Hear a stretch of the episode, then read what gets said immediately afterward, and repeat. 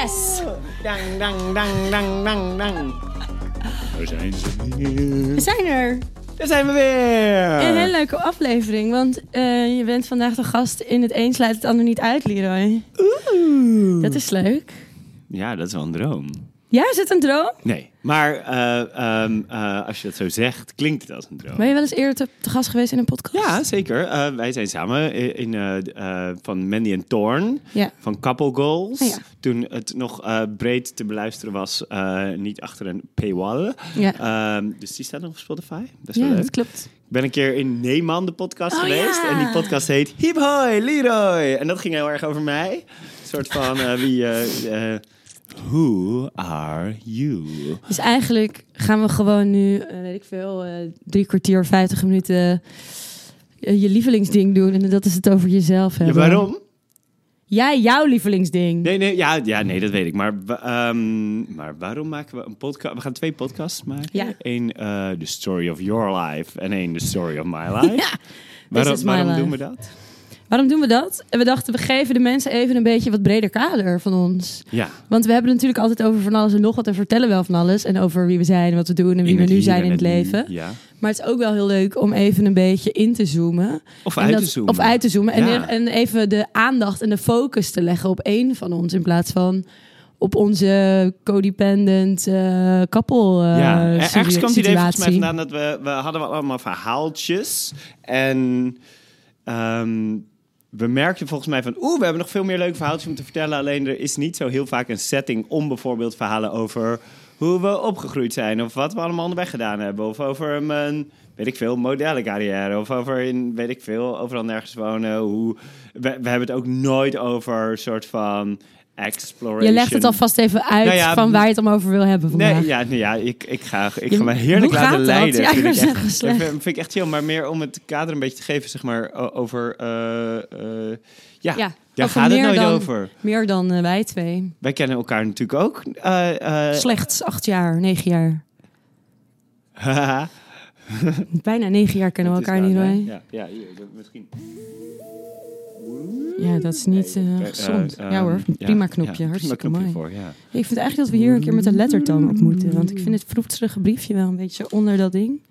Ja. Met de knopjes zo. Ja. Anyway. Ehm, ja, dus we gaan het helemaal over jou hebben. Maar eerst, Leroy. Ja. Ja. Moesten we daarvoor op een knopje? Nee, dat weet ik niet, maar...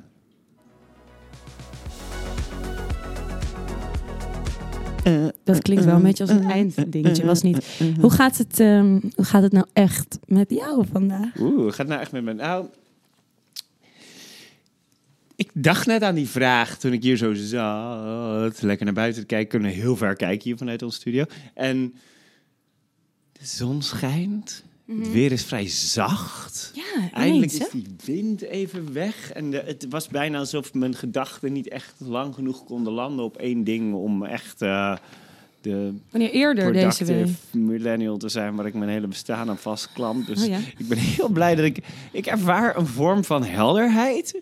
Vandaag, nu. Nou ja, mm, ah, nu, gisteren, eergisteren, zoiets. Chill. Was wel ergens Nou. zo van... Ik moest eh, nog me- eh, eh, jou helpen met dingen structureren om op te leveren voor FNV en zo. En toen dacht ik, oeh, ik wil van alles, maar ik moet nu nog, zeg maar, even... En dan voel ik mezelf gewoon niet heel productief, terwijl het wel heel erg helpt. Mhm. Ehm, maar dat kwam juist bij een plek vandaan dat het dus eigenlijk best wel goed gaat. En dat ik heel veel helderheid ervaar. Ik heb allemaal ideeën die ik wil doen met, met ons bedrijf. Met, eh, eh, maar ook podcasts en zo. Zeg maar, als ik net Rob nog gemaild van Dubai Guys. En de, de, de- zeg maar, Gaan we binnenkort mee opnemen die, als die komt, ja, en eh. Kirsten komt in onze podcast. Allemaal leuke, ja, Kirsten Fontijn. Ja, Ja. er zijn wel echt leuke dingen. over jaloezie. Omdat iedereen vragen heeft elke keer over... hé, hey, maar Vera Nero, hoe zit het met jaloezie? En toen dachten we, nou, zij heeft daar een heel klein kunststukje over. Dus, eh, ik weet Stukje. niet, Ze ah, heeft een hele voorstelling gemaakt, voorstelling. Ja. Kan dat niet wegdoen als klein kunststukje?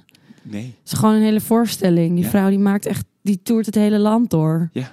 Geweldig. Ja. Oké, dus eigenlijk gaat het goed met jou. Het gaat best wel goed met mij. Nou, chill. Ja. Hey Vera, Yo.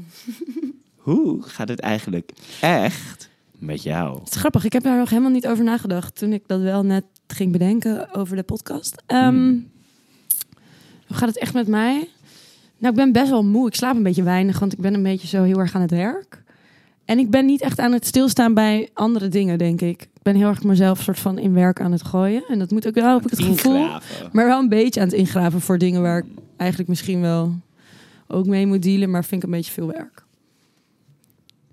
Ja. Dus, dus ik ga, het gaat voor, ja, een beetje wel, ja. Ja. Ja. Ja. niet kijken, gewoon... nee, gewoon eh, alleen maar werken en dan totdat het weer eh, een soort van... eh, Nou, dat is wel top. Hoe lang geleden is het dat jij in Portugal was? Dit is waar we die vakanties voor in twee maanden, denk ik. Verdomme, die, die, die, Anderhalve maand. die tijd tussen twee van die momenten in voor jou, die wordt kleiner. Dat is niet helemaal de. Misschien moet je gewoon in Portugal gaan wonen. Nee, ik denk niet dat dat de oplossing is. Nee, ja. Je moet het wel ik vind zien. het ook wel lekker om veel te werken, maar ik begraaf me er wel een beetje in nu, merk ik. Zo van dat je dan het gebruikt om je ogen dicht te doen voor andere dingen. Beetje. Zoals het veranderende politieke klimaat. Bijvoorbeeld. Of, Of- mensen die, eh, nou ja, mijn leven een beetje ingewikkeld Of de maken. het moment. administratie. Ja, die dingen. dat is altijd lekker om van weg te rennen. ja, Ehm, gewoon van mensen die, eh, ja, ik weet niet. Wat, welke mensen? Nou, oh. gewoon mensen Oh. om me heen. Even een beetje zo, ja. Ja. Ik heb niet zoveel zin om helemaal daarheen te gaan nu hoor, maar Hmm. nou ja. Ik ben gewoon een beetje mezelf een klein beetje aan het verstoppen. Maar ik vind, vind het ook niet heel erg, want het is ook wel een klein beetje nodig qua werk. Maak je je kleiner dan dat je... Nee, nee, dat niet. Maar eh, gewoon, ik ben niet zo eh, ja, bezig met... Nou, jij zei gisteren wel toevallig, even tussendoor. Ehm, jij was hier thuis in... Nee, thuis. In de studio was jij eh, heel erg lekker harde muziek aan het draaien. Je had volgens mij die DJ gedraaid die Isaac in Bergheim gezien had. ja, En toen zei je, oeh, die staat binnenkort eh, eh, bij Ja. Lo-Fi. ja. Eh, Is het lo-fi of lofi? Heet, Miklin, is het Lo-Fi of Lofi? Weet je niet? Dat weten we niet. Hmm, Ik denk Lo-Fi. Ik denk het ook. Ik hoor mensen Lo-Fi Want je hebt ook ja. hi-fi en heb je ook lo-fi. Hifi. Nou, oké. Boksen toch? Audio. Low five heb je ook. Low five, high fives. Oké, nou anyway.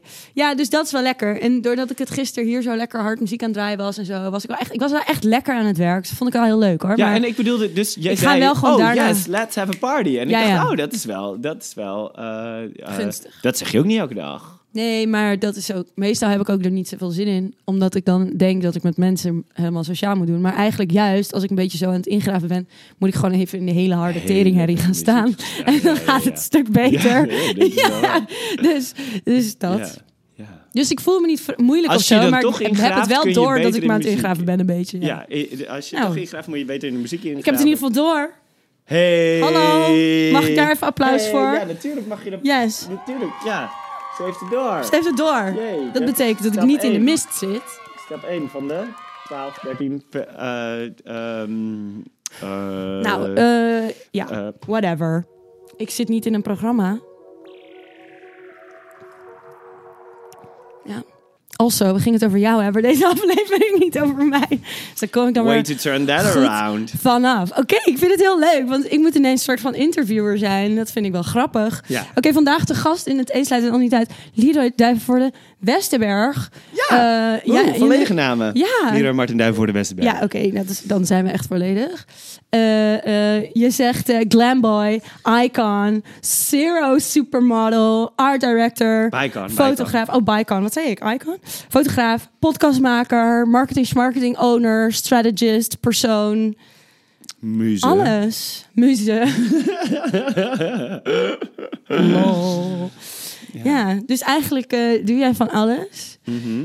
Ehm, wat zeg jij als je dus zegt tegen mensen wat je doet? Je zegt niet, hoi, ik ben Leroy, ik doe dit. Maar ik bedoel, stel dat je het hebt over... Dan noem je gewoon alles op, wat doe je dan? Nou, eh, dat het ligt er een beetje aan welk tipje van. Dus ik heb altijd het gevoel dat ik heel veel tipjes van sluiers moet. Dit is letterlijk waarom die podcast hebben. Waarom, dat ik heel veel tips van sluiers moet oplichten.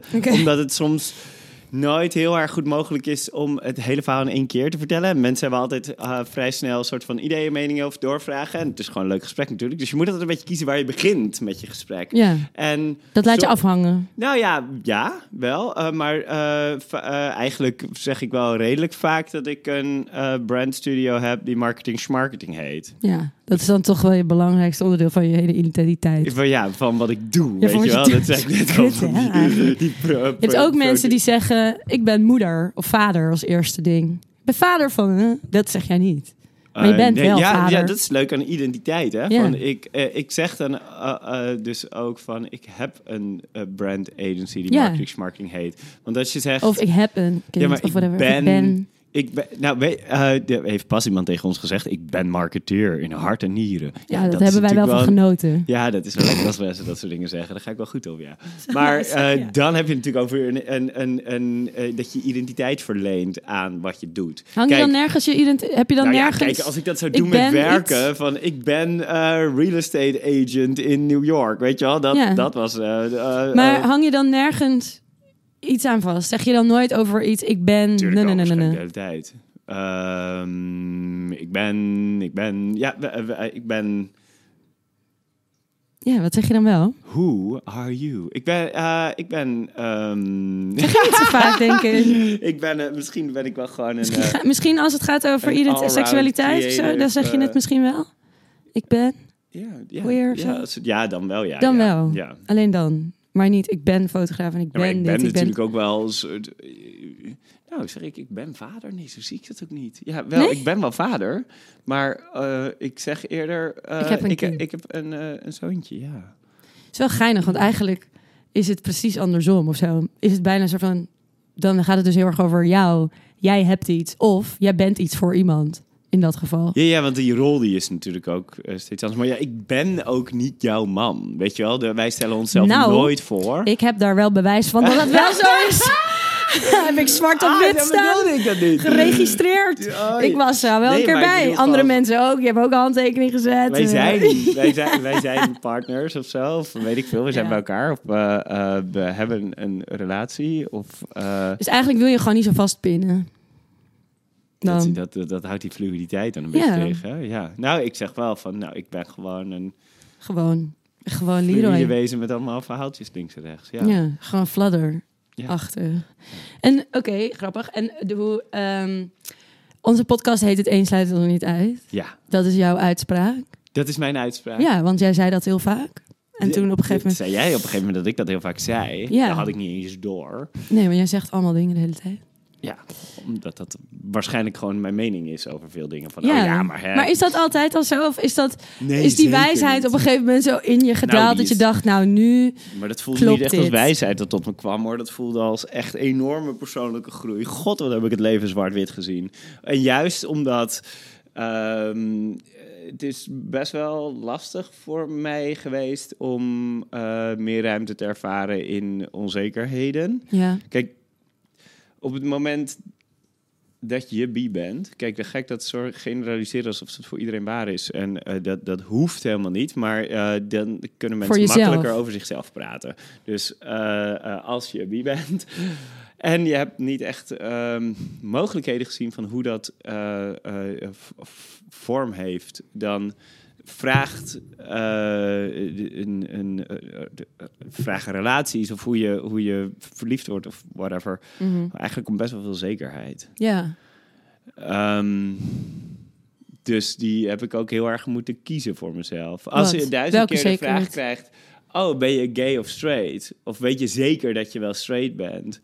Ja, weet ik veel. Dan wordt er ook een bepaalde zekerheid gevraagd. Dus ik heb heel lang gewoon vrij... eh, ben ik vrij ja, hard geweest in, in dat soort Maar zekerheden. voornamelijk daarin dan? Nee, dat, dat ging eigenlijk wel zich uiten in van alles.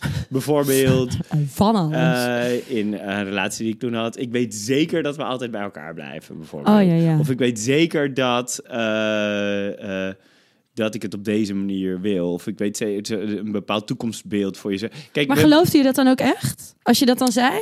Of dacht je, ik vertel dat mezelf en dan... Nee, ik geloof dat echt. Ik voelde dat helemaal. Ik voelde Je voelde echt. dat? Ja, zekerheid kun je best jezelf aanpraten. Het enige is dat, dat het natuurlijk ten koste gaat van heel veel ruimte dat je ervaart. Dus Ja, dat Eh, snap ik. Maar ik bedoel, je, als je dus... Ik weet zeker, dat, maar dat geloofde je dan, dat voel je dan. Waar voel je, hoe dan, zeg maar? dit is een, een antwoord op angst bijna. Hè? Daarom, eh, als je zegt... ja, eh, het is een als soort je, van stel dat je iemand heel, bijna heel hard zo. vasthoudt. Zo, oh, ik weet zeker dat ik voor altijd bij wil blijven. Dit, wat voel je dan echt op, op zo'n moment? Ja, een Je soort van angst. onzekerheid. Ja, ja. Je voelt het, eh, het, het, het breekbare ervan. ja. Ehm, En daar had je niet zoveel zin in. Nou, het was eigenlijk meer dat... dat eh, ik had dat prima altijd vol kunnen houden. Ja. Echt? Ja. Maar niet dus, blijkbaar. Nee, wel heel moeilijk aan alle kanten, maar ook... eh, dat heeft natuurlijk ook wel uitwerking op je relatie. Als je altijd alles helemaal zeker weet. Ja.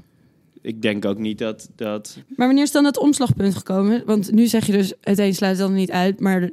op het moment dat ik, dat ik eh, eh, ging scheiden... Ja, is dat, dat, dat dit meer waar werd? Het een sluit dan niet uit? Toen, meteen al? Nee, maar dat, is wel, dat heeft wel het een en ander in gang gezet. Want ehm, ik, het was zo zwaar. Zeg maar, eh, ik heb het gevoel dat ik je een beetje context zou moeten geven. Of zo. Ja, ja, want je, jij bent eigenlijk een heel veerkrachtig mens. Ah, Toch? Want, want als je daarover hebt, jij bent eerder getrouwd geweest ooit. Ja. Een tijdje geleden, Even voordat kort. ik er was. Kort. Heel kort. Ja, en toen ging je ook weer snel uit elkaar. Because it's a rock and roll lifestyle. Nee, ja, dat idee hebben mensen dan een beetje als ik dat zeg. Maar het was wel echt binnen een paar maanden nadat ik getrouwd Ja. was, was van orde. Hoe, oud was je toen? Ja. 27 Ja, of zo? 27, ja. Ja.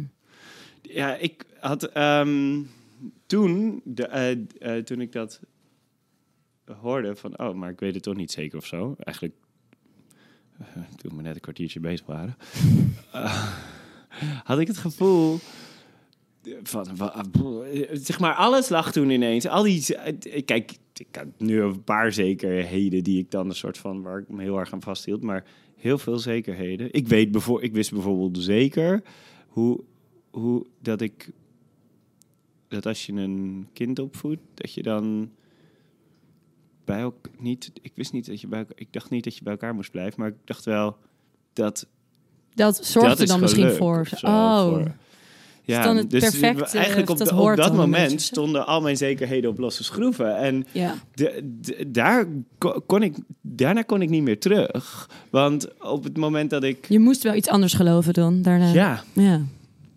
ja. En wanneer was het dan dat je dat daadwerkelijk kon? Dat het ene het andere niet uitsluit? Nou, ik had eigenlijk heel erg het gevoel dat ik ehm, los moest laten van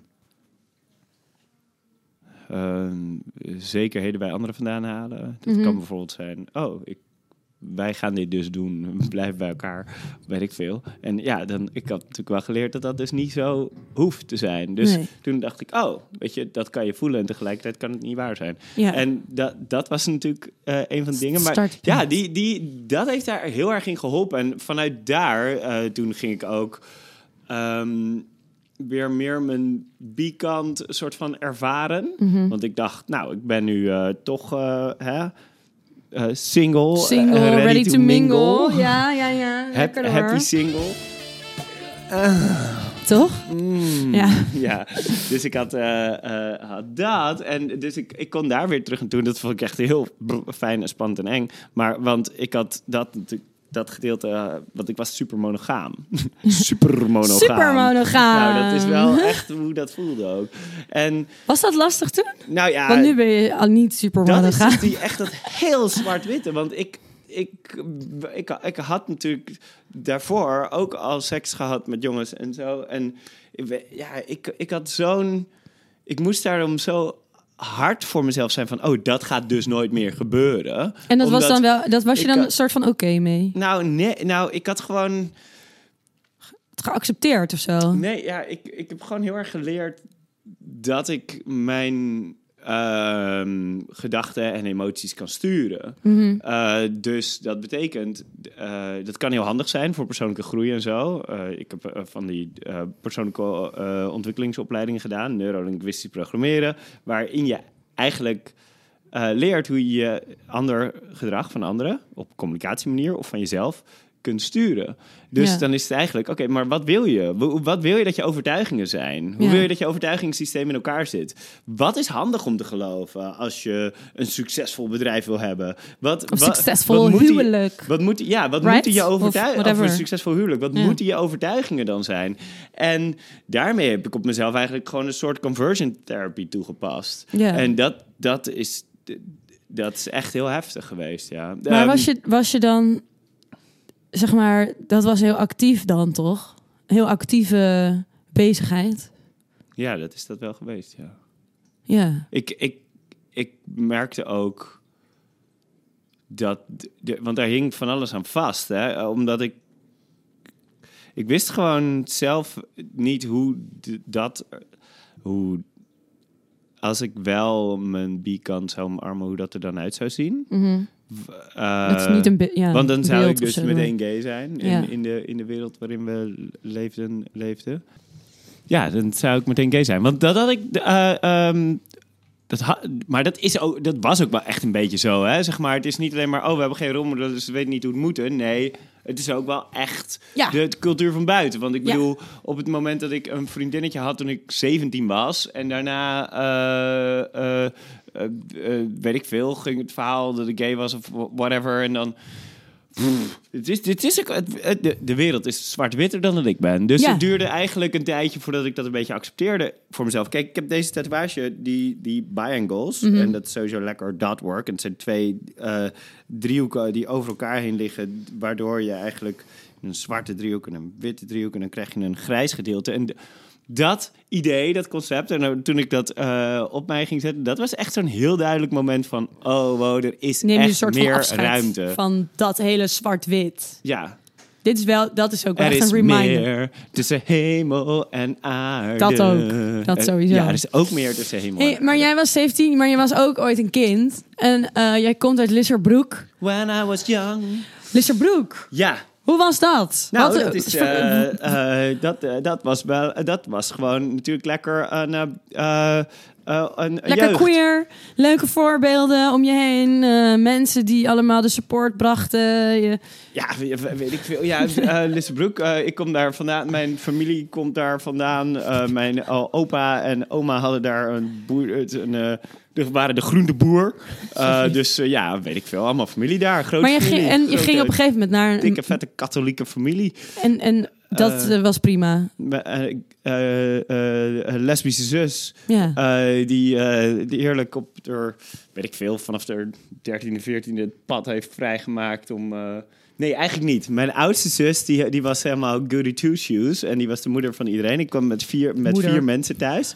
Ja, zij was de, de ja. ja, nou nog steeds, zeg maar. Ik de ga echt heel zus. goed met Daisy. Ja, de oudste zus. En, Daisy eh, was in onze podcast deze was in over onze eh, podcast. opvoeding en daaronder ja. zit Vee. En Vee is... eh is Vee en ik zijn eigenlijk een soort van als tweeling opgegroeid. Ja. Ik was net iets langer. Zij was net iets korter. Ze is 13 maanden ouder dan ik. Een soort van Irish twins heb je dan. Niet dus normaal wij waren een beetje hè? dezelfde leeftijd. Zij was...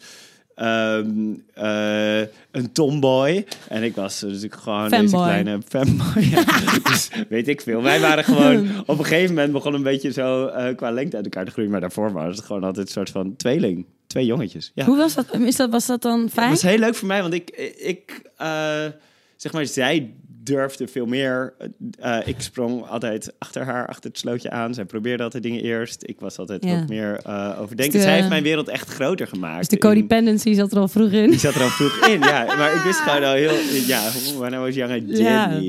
Echt, hè? Ja, dus, dus dat was ja, gewoon echt wel een chille, chi- chille jeugd. Ja, weet ik veel. Gewoon chille jeugd. Ja, dat wel, ja. niet Alleen eh, het niet enige... getraumatiseerd in je jeugd. Nou ja, pff, dat natuurlijk wel, maar... eh, Weet niet hoor, maar ik bedoel... Het is niet dat je daar terugkijkt en denkt... Oh, maar dit was echt zo en dit... Of nou ja, ja, je bent in een dorp.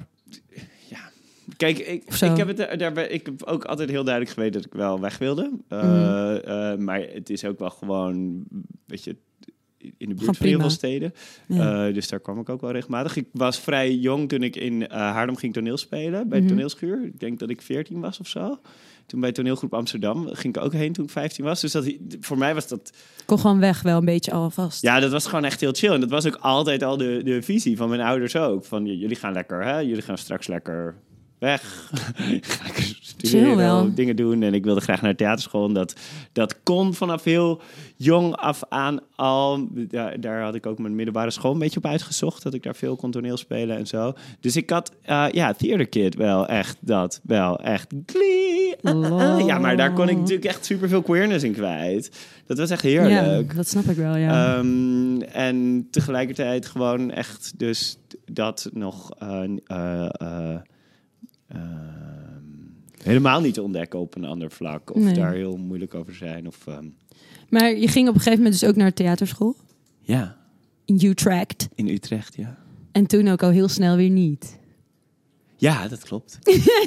ja, ik was, Ben je ik aangenomen, strenge selectie, ja, alles? top. En eh, ik vond het ook heel geinig, want het was een heel fysieke school. Terwijl ik, ik, eh, ik I was always relying on pretty, best wel. Letterlijk in, in een, ja, maar in- ik was gewoon echt bovengemiddeld knap, hè? Zeg maar, en daardoor word je... eh, ik had letterlijk een rol hier in de, in de, theater, in de toneelschuur in Haarlem. Ik had niet eens een naam. Het was de jongen die bloedmooi is. Maar En je ik was moest ook een keer de dorpsgek. voor- Je was ook een ik keer was de ook een keer de dorpsgek. dorpsgek. Dus ik bedoel, het een sluit het ander niet uit. Het een sluit het ander niet uit. Ik was ook een keer dorpsgek daar. Maar ik, ik leerde in Utrecht, moest ik een masker op mijn hoofd en moest ik heel fysiek theater gaan doen. Nou, dat was voor mij... En ik kon niet, ik kon niet Stop op mijn oude relying on a pretty face. Ja, stop relying on your face, bitch. Ja, echt Lol. helemaal. Dus, ik, dus de Utrecht was voor mij Dus moest je oh, masker alles wat ik dacht dat mijn kwaliteiten waren, zijn nu geen kwaliteiten meer. En da- daar heb ik, heel, ben ik veel beter in contact komen te staan met mijn lichaam. Wat natuurlijk later met modellen, want dat is waarom ik wegging. Ik ging, ik ben, eh, ik had ja, dus drie kwart jaar op de theaterschool en toen. Mensen zeiden al wel de hele tijd van... Oh, maar jij bent model toch? Of, eh, maar weet ik veel. Het is eigenlijk met alles zo... dat de route er naartoe voor mij heel lastig is. Eh, Hence the bisexual journey. Maar ook heel veel andere dingen. Maar eh, toen op een gegeven moment zei een klasgenoot letterlijk van... Oh, hier, je hebt dus nu deze foto's. Want ik had... eh, ik was gevraagd voor de coiffure award. Hoe iedereen Net als letterlijk in ieder ander model. wordt. En, en die zei van... Oh hey, dit agency kan je mailen. Ging En Hans Mooijer je toen fotograferen? Die heeft mij ook wel gefotografeerd. Maar de coiffure award. niet, niet voor die eerste shoot. Het was echt... Het was, het was, het was feestelijk. Ik kan wel een fotootje delen hiervan. Oh, dat het is was, wel echt het was leuk. echt... Het was echt Maar was het echt vreselijk? Maar vond je Ja, het leuk om Ga te jij je vond zeg maar wat van die leuk? fotografie vinden? Ja, jij, oké, jij hebt- tuurlijk, jij het is gewoon bent- een foto. Je, bent nog, je hebt een, een Maar had je meteen zoiets toen je ik op de foto ging? Yes, I love this. Nee. Ja. Ja? Ja. Ja. Ik kreeg namelijk allemaal aandacht. Ja, ja, maar ik ben gewoon echt wel, wat ik zei van een muze, dat, ik ben echt graag, ehm, kijk maar naar mij en vind maar iets. En ik vind het fijn om in mensen hun ogen te zien of ze dat dan terugkrijgen wat ze graag wilden zien. Ik vind, het, ja, ik vind die rol heel prettig. Ja, grappig eigenlijk. En, en dat, toen ik die foto ze- had opgestuurd naar... eh, eh, dat heette toen nog Skins Models. En later is dat... Maar toen kwam ik dus bij Michael de Bree. Die, die ook jouw boeker bij Oela op een gegeven moment Ja. geweest is.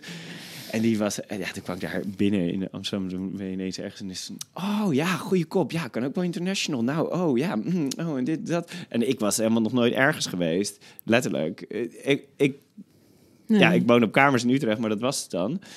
En toen ineens, drie weken later, was ik wel de nieuwe campagne van Benetton aan het schieten. En toen had ik daarna, had ik, ik had ze geteld, eh, 21 bureaus over de hele wereld die mij wilden hebben. Die, Lol. me- waar, die mij hadden, dus Ja, zeg ja. maar per land. Eh, de meeste ben ik nooit geweest, want ik Nee. kwam natuurlijk alleen maar in de fashion Oh maar toen, toen kon ik meteen helemaal dat doen. Zonder geld, maar wel overal reizen. En eh, echt, eh, ja. to- en toen was het wel op de theaterschool het gesprekje van... Nou, eh, hoi, eh, wat wil je doen dan? ga je doen. Ja, en ik had in mijn... Toen, was het toen een moeilijke keuze om te maken? Nee. Nee, want ik wilde in mijn hoofd zat al ergens. Ik wil acteur worden. En wat betekent acteur in een hoofd van een Fame, kind? glitz, Ja. glamour, Ja, en dan aandacht. moet ik dus naar New York of naar LA of whatever. En dit was de manier om daar te komen. Ja. Wist je dat toen al? Ja, Lol. En dat heb je ook gedaan? het is natuurlijk heel een behoorlijke route, hè? Model, Je hebt heel lang modellenwerk gedaan. Ja, en daarom ben ik ook geen acteur geworden. Wat, waardoor? Nou, eh, het is wel een beetje hetzelfde. Je, er is een rol waar je een casting voor moet doen. En dan op een gegeven moment dan sta je in het script van iemand anders in te kleuren. En dat was waar ik een beetje zat van was. Ja. Eh, ik, hartstikke heerlijk hoor. Want die rol die vind ik nog steeds heerlijk. En ik Mhm. kan daar nu... Ik kan, kijk, nu vind ik improv acting heel leuk. Maar het sowieso acteren, dat vind ik natuurlijk nog steeds heel erg leuk. Ja. Maar ik kon even niet meer hoor. Zeven jaar heb ik dat gedaan hè? ja. Ook Zonder wel... mobiel de hele wereld over. Ja, maar ik had soms al twee, drie mobieltjes. Want het was gewoon... Het, moest Maar ik wel, je andere had- simkaarten. Maar je was dus 18 of 17, je kon soort van vers uit Lisserbroek. En Ja. dan ga je ineens ik soort een van van... alle de- runways over de hele wereld doen. Was je nooit soort van bang of dacht je niet, oh my god. Van de of polder naar Parijs heette een column die ik toen... Ik schreef toen allemaal van die draak was ook zo. ook. Aber, Abercrombie and Bitch was het toen ik daar... eh, bij de, eh, toen ik daar eh, Maar had. je ging de hele wereld over, maar Ja. je was nog nooit ergens geweest, niet echt. Niet echt Europa uit, Nederland nooit uit, I don't know. Nooit gevlogen. En dan ging je dat allemaal in je eentje doen. Vond je dat heel eng of leuk? Of wat, hoe voelde je je daarbij? Lekker, melancholisch, leuk, eng. Oh. Eh, luisterboek op mijn oren. En door een stad lopen terwijl mijn brein er niet helemaal was. Maar Had je dan een soort van input videoclip krijgen. input op jezelf? Alsof Ja, je kijk, weet in je stad loopt in mijn- slow motion. Ah. Eh, Ik moet gewoon dingen heel erg ervaren om ze te leren. Dat betekent, ik had gewoon geen idee waar ik aan, waar ik aan ging beginnen. Bijvoorbeeld, op een gegeven moment was het van, oh, je moet naar Tokio. En toen waren mensen allemaal heel enthousiast. Ja, ik had echt geen beeld. Zeg maar, ik was Nee. echt nog niet ontwikkeld. Ik had echt geen, ik zag Azië. Van de Boomboe, van de Konimax. Nou, bijna wel, ja. Ik zag echt, ik had geen enkel idee. En dan kwam ik daar en toen, de, nou, ik voelde me echt als een kind in Disneyland aan de LSD. Het was echt niet normaal. Zeg maar, ik wist nog helemaal niets van culturen of, of, of eh, eh, Nee. Maar je ik kon was dat gewoon wel ineens, terwijl ik geen enkel beeld bij. Tokio had, Ja. was ik in Tokio. Ik ging daarvoor ook helemaal niet dat onderzoek ernaar doen of zo. Want ik, kwa- ik kwam gewoon... Nee?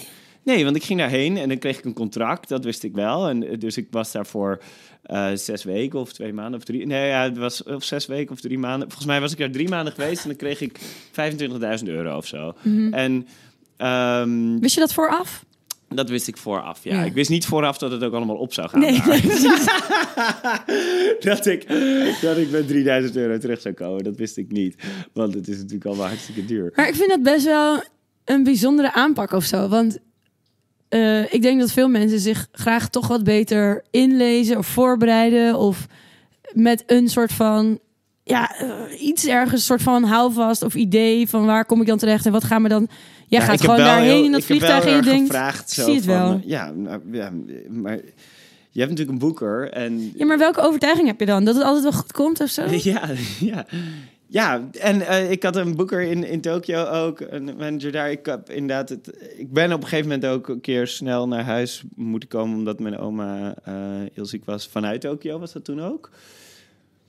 Dat kon toen ook, vrij snel. Ja, ik, ik weet niet. Eh, ja, alles komt wel goed. Ja, Ja. alles komt wel goed. Ik ben denk ik dermate in een veilige omgeving op- opgegroeid... dat dat ook helemaal niet bestond voor mij dat het niet goed zou komen of Nee. zo. En ook Ik niet je ouders die dan zeiden-. Mijn ouders die, die waren juist heel supportive. Die ging gewoon niet zeggen, oh kijk je wel uit, het is gewoon eng en gevaarlijk en Ja, zo. ging wel meer dan dat ik nu zou eh, kunnen, denk ik. Eh, echt dat loslaten en van, Ja. yo, ga maar. Ik wou zeggen, Eh, stuur je James op zijn achttiende naar Tokio voor drie maanden. Het was heel bizar, want ik was dus in. Tokio en daar, wa- daar, daar was ik dan, weet ik veel, aan het uitgaan en zo. En ik was 18 en in Nederland mocht je toen drinken vanaf je 16e. En dus, eh, we- weet ik veel, en ik voelde me volwassen. Ik had er op kamers gewoond, ik voelde me volwassen. Maar half jaar. ik zag daar meisjes eh, van 14 en 15 die uit Rusland kwamen en die eigenlijk daarheen een soort, naar Tokio gestuurd werden om een soort geld te verdienen ook voor hun familie en zo. Mhm. Ik dacht van, wow, wat heftig. En toen zei pas een vriend tegen mij van, oh, je bent eigenlijk een soort van geforceerd opgegroeid Ja, in die periode. jong, en toen ja. pas had ik het perspectief van, holy shit, ik was zelf ook Ja. echt, zeg maar, echt heel erg ehm, Jong. jong. Ja, want je ging daarna, je ging dat zeven jaar doen. Je ging in New York wonen. Je ging met, eh, weet ik veel, de Mondino's en de Lagerfelds en de Louis Vuittons van deze wereld werken. Ja. Eh, en dan ben je daar op een gegeven moment wel een beetje klaar mee. Of je bent een beetje over je hoogtepunt heen. Of in de modellenwereld of Ja, het is heel, heel grappig hoe dat verloop gaat. Want het is een soort van... ehm, eh, je bent of een, een beetje zo twink, weet je wel, new face. en fashion, editorial, dat soort dingen. En op een gegeven moment kom je wat meer in je man body. En dan dat... Kijk, dat, dat, dat is echt wel even een andere markt. Ja. Eh, zeg maar, Parijs was heel erg mijn markt. Milaan minder. Ja. Dat zijn toch wel weer wat echte wel mannen, zeg maar. Ja. Uh, uh, en dat, da, daar, later werd ik daar wel weer wat meer voor geboekt. Maar eigenlijk zit daar een soort van interbellum tussen.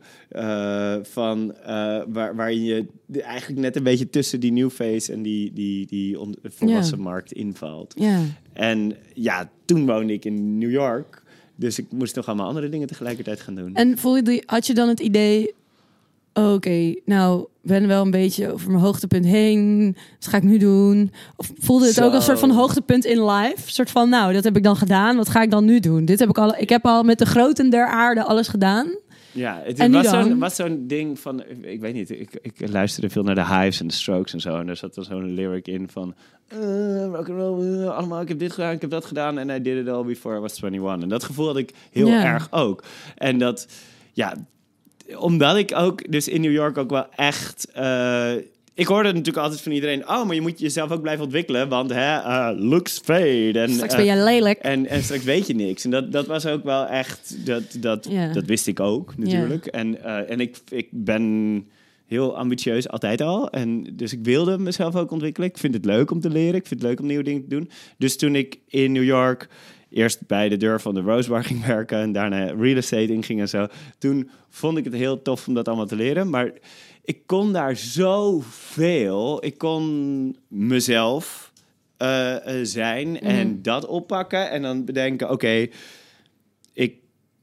Wat ik heel leuk vond aan modellenwerk was dat ik door die hele stad bij mensen thuis kwam om castings te doen, of bij mensen in een studio, of bij mensen in een hotelkamer, whatever. En dan kon, kwam, leerde ik die hele stad kennen. Dat, Ja. Dus ik Chill, raakte geïnteresseerd in real estate. Ook omdat ik natuurlijk jaren daytime television heb gekeken, omdat modellenwerk voornamelijk wachten is. En dan zat ik op de BBC dat Homes Under the Hammer te kijken. Uh, maar ik, ik raakte geïnteresseerd in real estate. Die ging dat doen in New York. En dan kon ik gewoon ergens naar binnen lopen en zeggen: hey, dit vind ik tof en ik denk dat ik het kan. En um, ik ben gewoon wel commercieel handig en zo. En Wist toen je dat kon toen ik al? mezelf gaan bewijzen daar. Maar wist je dat toen al? Dat je een soort van commercieel of communicatief heel handig... Want eigenlijk, dat is wel echt een beetje de...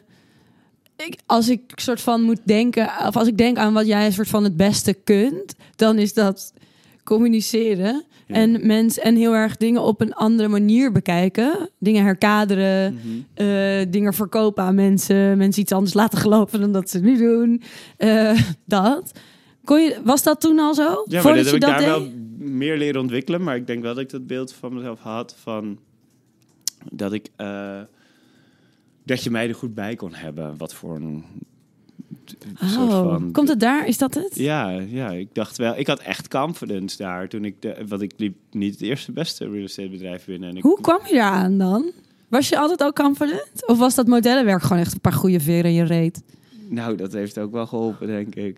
Ik weet niet. Ik heb, maar ik heb letterlijk dus ja, maar dat Kan ik- ook de andere kant op Voor gaan. mij had dat, heeft dat niet zoveel met confidence te maken hoor. Dat heeft meer gewoon echt met pure gekte te maken wat ik daar heb meegemaakt. Want, eh, nou ja, voornamelijk in steden als Tokio is zeg maar waarin iedereen op straat heel duidelijk ziet dat je model Ja. bent, omdat je gewoon simpelweg langer bent dan de meeste mensen die er rondlopen. Maar ook op andere plekken. Want dan, in dan de- werden men, werd een soort van... Jij was een soort van... ja, Athene is ook helemaal, helemaal crazy als het gaat over Fashion Week daar en die feesten die erna komen. En, eh, maar ook een soort van de, de Superstar. online aandacht. Oh, ja. eh, ook toen al wel op fora en dingen en zo, waarin mensen Ja. gewoon echt aan, aan het gaggen zijn. En ja, weet ik veel. Je wordt in een soort van beeld geplaatst. Terwijl je weet dat dat helemaal niet waar is. Want tegelijkertijd zit je in een of ander modellenappartement.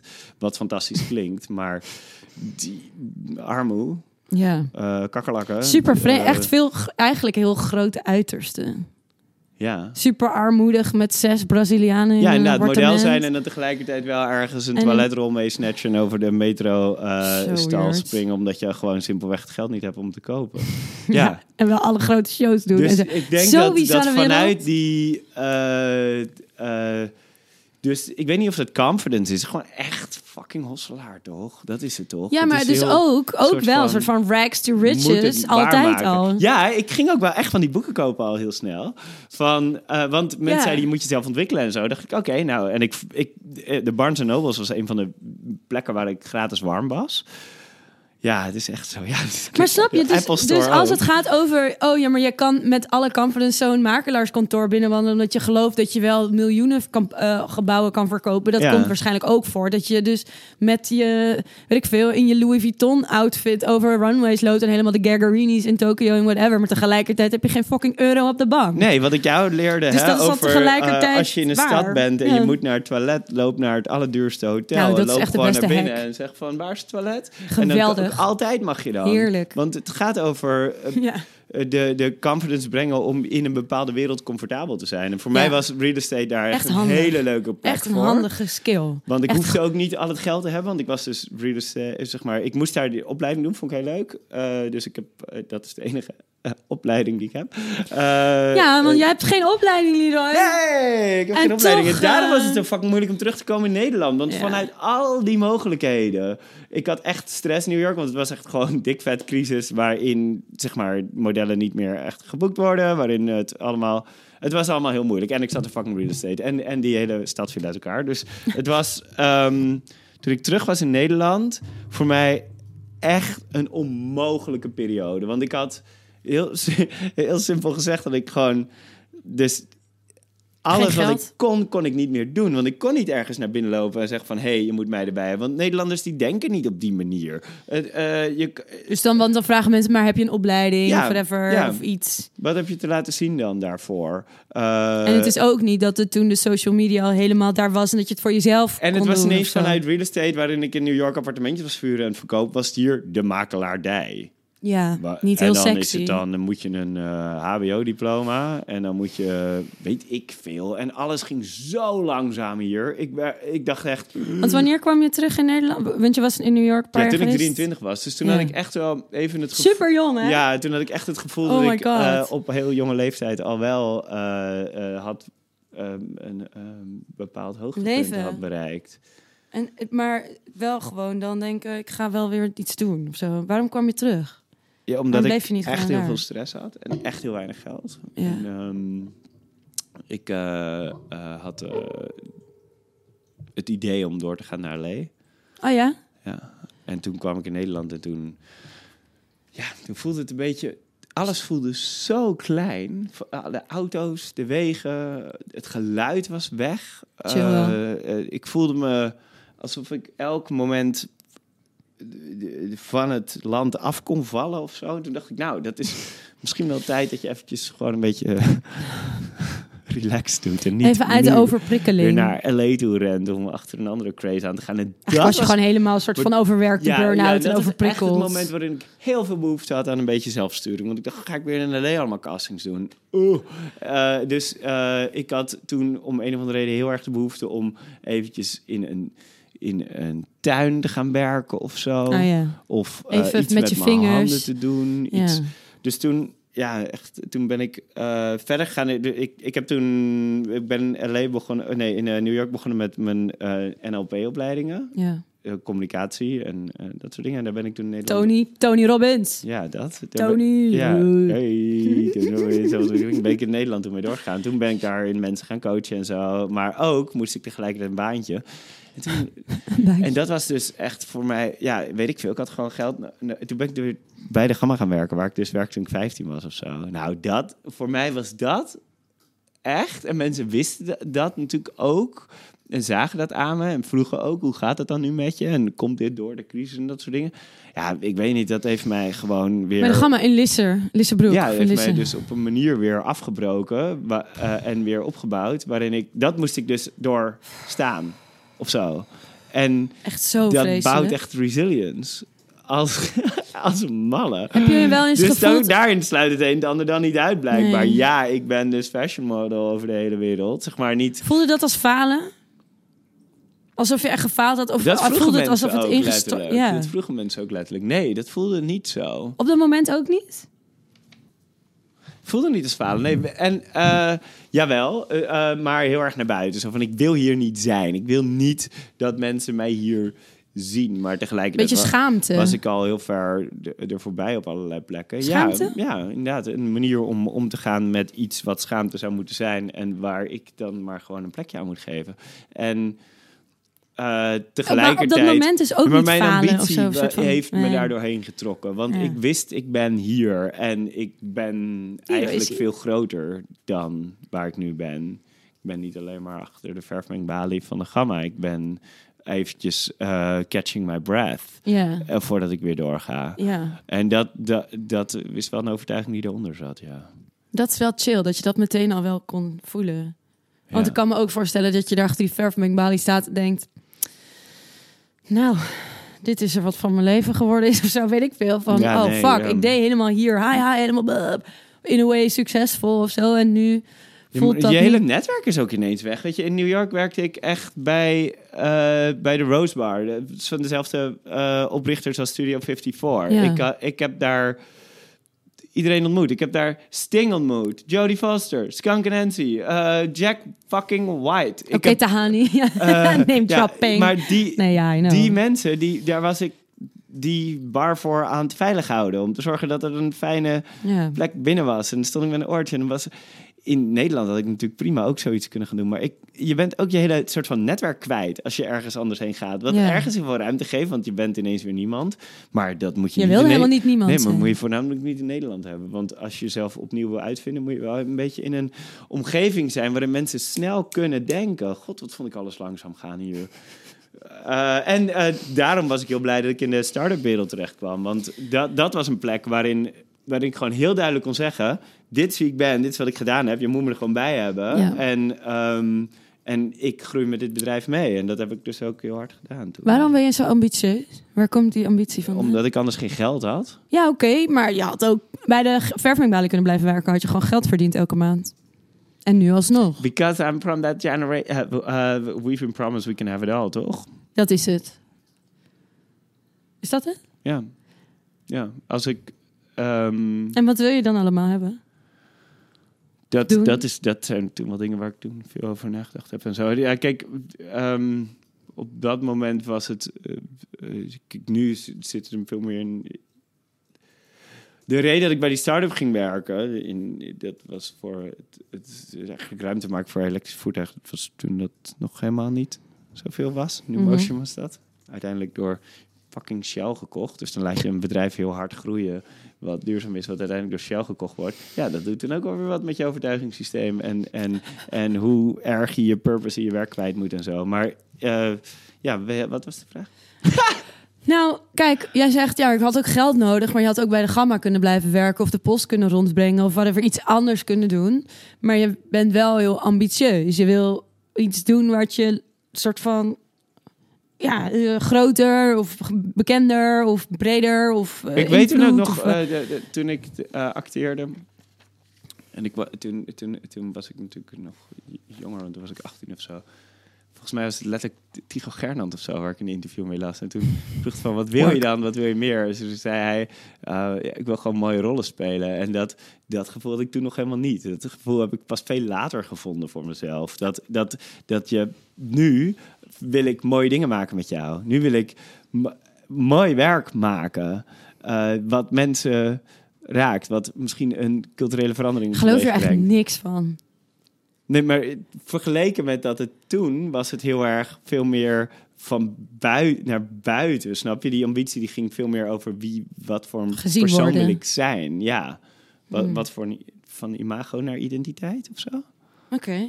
Ja, ik, ik, weet, ik weet nog dat ik echt dacht, ja, eh, pff, maar je wilt toch gewoon wat voor een Ja, persoon, wel mooie, carrière wil wel hebben? mooie voor- rollen in een bepaalde range. Niet mooie rollen op de hobbyvereniging hier om de hoek. Ja. Wel mooie rollen in grote films. Ja, ja ik, ik, ik had eh, eh, later, van, to- toen ik in, in Nederland was en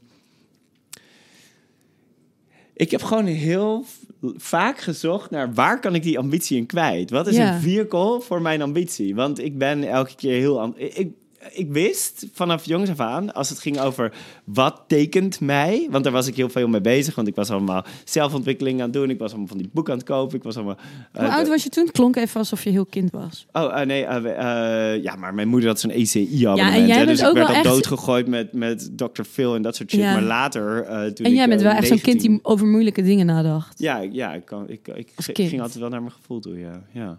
Moeilijke dingen denken. Dus, dus ik, ik heb toen wel heel erg eh, eh, geleerd van wat tekent mij. En dat was enthousiasme altijd heel erg. Ik kon heel goed ergens enthousiast over worden... en dan andere mensen meenemen in mijn enthousiasme. Ja. Dat is ook hoe ik dat eh, had Handig. geregeld in New York... dat ik daar real estate in kon. Want dat kon ik dus benoemen voor mezelf. Verkopen dus. Ik ben vet enthousiast over iets. En als ik er ergens enthousiast over ben... dan kan ik andere mensen aan meekrijgen. Ja. Dat wist ik over mezelf te zeggen. Handig. Dus ja, dat was wel handig, ja. Want daardoor kon ik mensen vertellen... oh, dit is waar jij goed in bent. En waar ben je dan, waar, zeg maar, dus dan kwam je erachter, oké, dat is dan mijn skill of zo? Ja, dat heeft zich natuurlijk wel ontwikkeld. Want daar, daar- daar, red je het niet mee. Op een gegeven moment ga je natuurlijk leren wat... En wat ging je daar dan mee doen? Want het is wel een beetje breed. Nou, ik, toen ik in... eh, Want als je, Vanuit real estate was het natuurlijk heel erg sales gedreven. Maar later in, in die start-up was dat het opzetten van een team, een team leiden, het laten groeien van een team, eh, customer.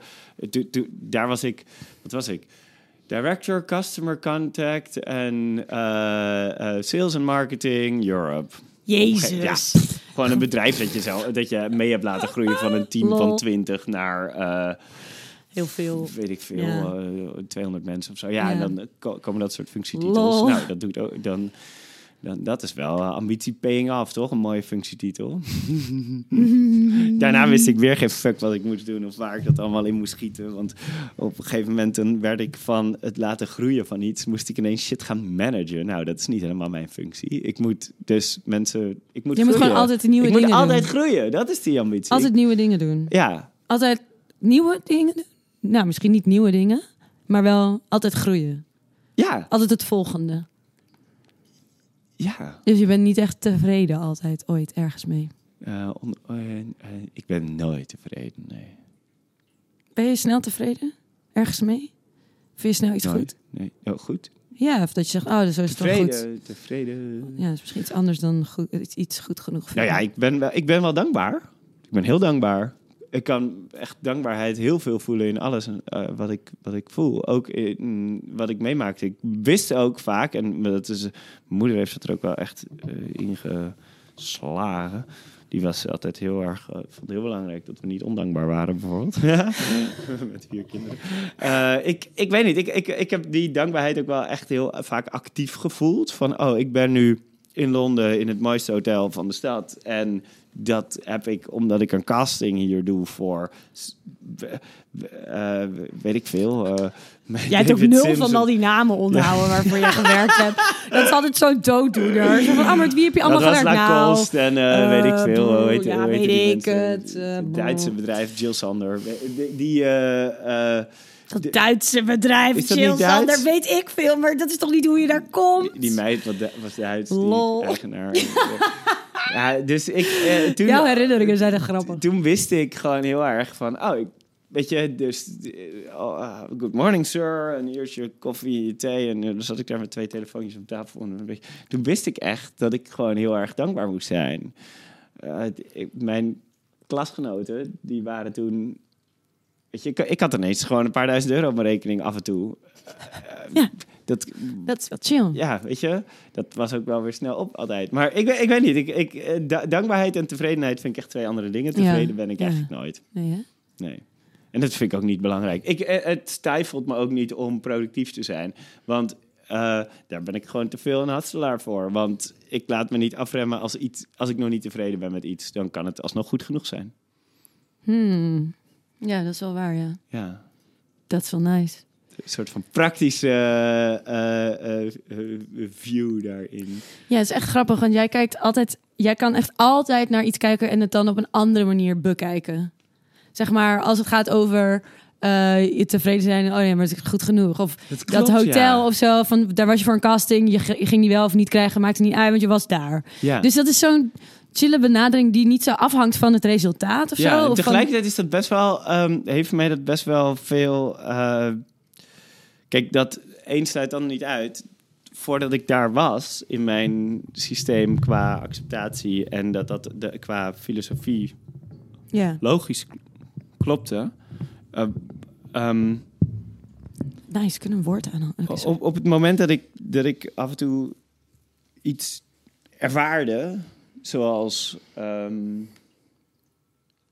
nou ja, laten we biseksualiteit is allemaal een handig voorbeeld ervoor. Stel dat ik, dat ik, dat ik iets voelde of zo voor iemand, Ja. kon ik heel snel van, oh, maar dit andere is ook waar. Dat, dat heb ik altijd al gekund. Alleen het heeft voor mijzelf niet zo vaak tegelijkertijd waar mogen zijn, kunnen zijn. Dus ik kon iets wel op een andere manier zien, maar dat heb ik heel lang gebruikt om het eerste te ontkrachten. Ja, ja, ja, ja. Ja, dat is wel een handige manier. Ja, Als, je daar, als je dat wil. Maar ja, het is niet chill voor jezelf. nee, inderdaad. Maar het is wel een hele chille eigenschap om dingen van heel veel kanten te kunnen belichten. Ja, Voornamelijk als je niet op zoek bent naar één waarheid.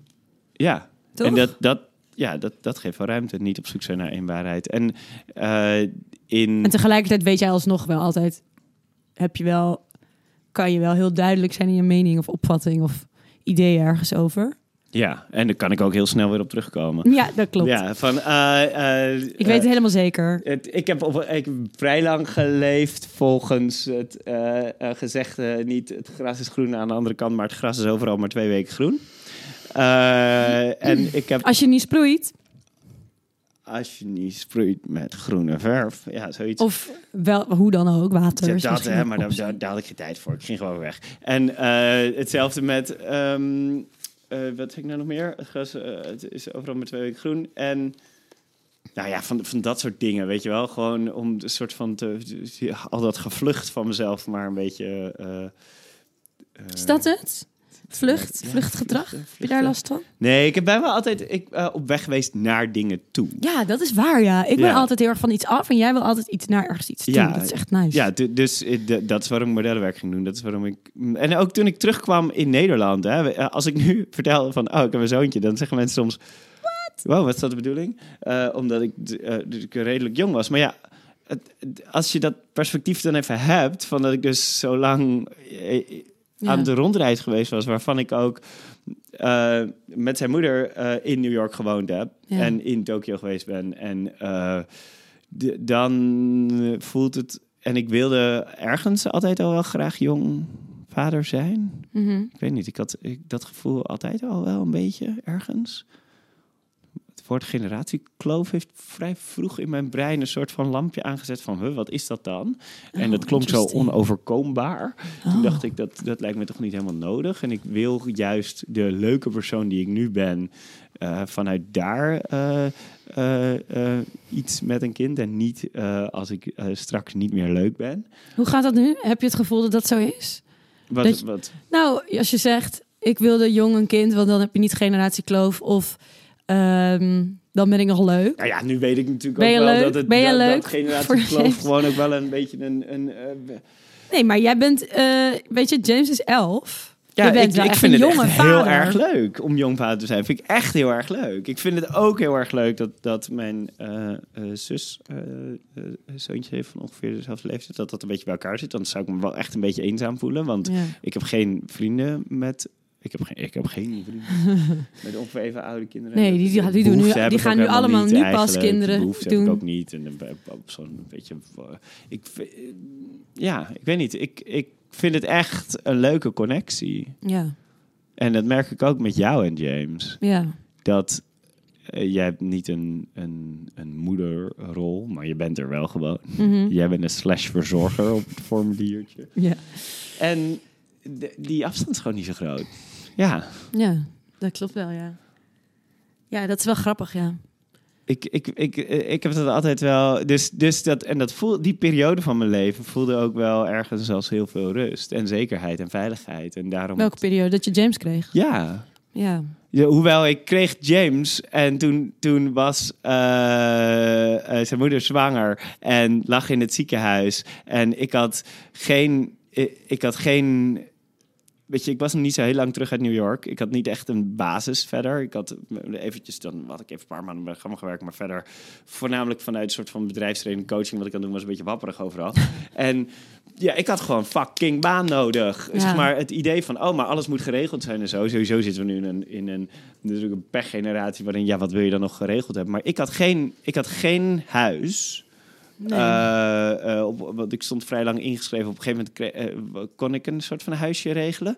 En op het moment dat, dat zijn moeder in het ziekenhuis lag, nog niet te bevallen van James, maar wel poeh, hè, daar een beetje tegenaan, Ja. zat ik op een sollicitatiegesprek bij, dat, bij die start-up waar ik begonnen ben. En mijn telefoon lag op tafel. En ja, daarom ben ik aangenomen. Dat is natuurlijk hartstikke dramatisch. Dat, dat verhaal heeft zich ook nog wel een beetje Gewoon voor de drama. En ja, ook wel, ze zeiden ook echt wel van... we denken dat we je wel echt moeten vastplakken aan de stoel. Want je bent overal geweest. Hoe kunnen we nou weten dat je ja, aan dit bedrijf gaat committeren? Maar tegelijkertijd was mijn verhaal fucking duidelijk. Ja, ga je doen. Joehoe, morgen krijg ik een kind en ik heb geen geld. Eh, ik, ik ga je bedrijf wel helpen groeien hoor. Als ik daar ook in door kon groeien. En ik groeide heel snel door. Maar dat doe Ga ik jij gewoon stiekem ik- heel ik- erg goed op heel veel stress en paniek en drama? Eh, nee, absoluut niet. Maar ik, ik heb gewoon heel veel vertrouwen altijd in, in ehm, dat. het- Maar je laat het wel echt...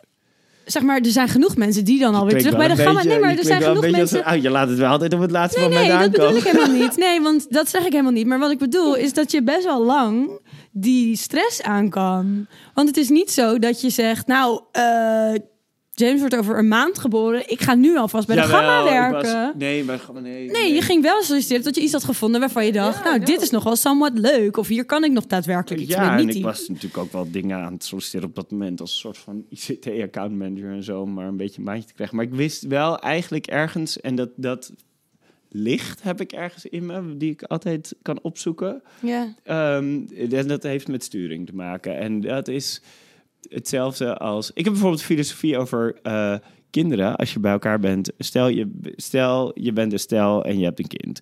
Dat, dat, Ja. Dan ben ik daarin heel erg van mening dat je eerst moet doen wat goed is voor jezelf en als stel. En dan eh, dat, dat, Ja. dat, dat, dat als dat oprecht zo is, dat dat Ja. dan ook goed is voor het kind. Ja. Dat het makkelijk is om te kijken naar, oh, maar wat is het beste voor het kind? En dan, want dat, ik geloof gewoon niet dat, ik weet niet, er is een waarheid in mij die dat voelt. Van je wil ook je kind opvoeden door te laten zien dat je een goede keuze voor jezelf kan maken en zo. En ik wist wel echt gewoon dat als ik niet mijn potentieel Ja. volg, dat dat dan oprecht niet goed is voor mij. En dus Ja. ook niet voor, eh, voor James in dit Nee. geval. Ja.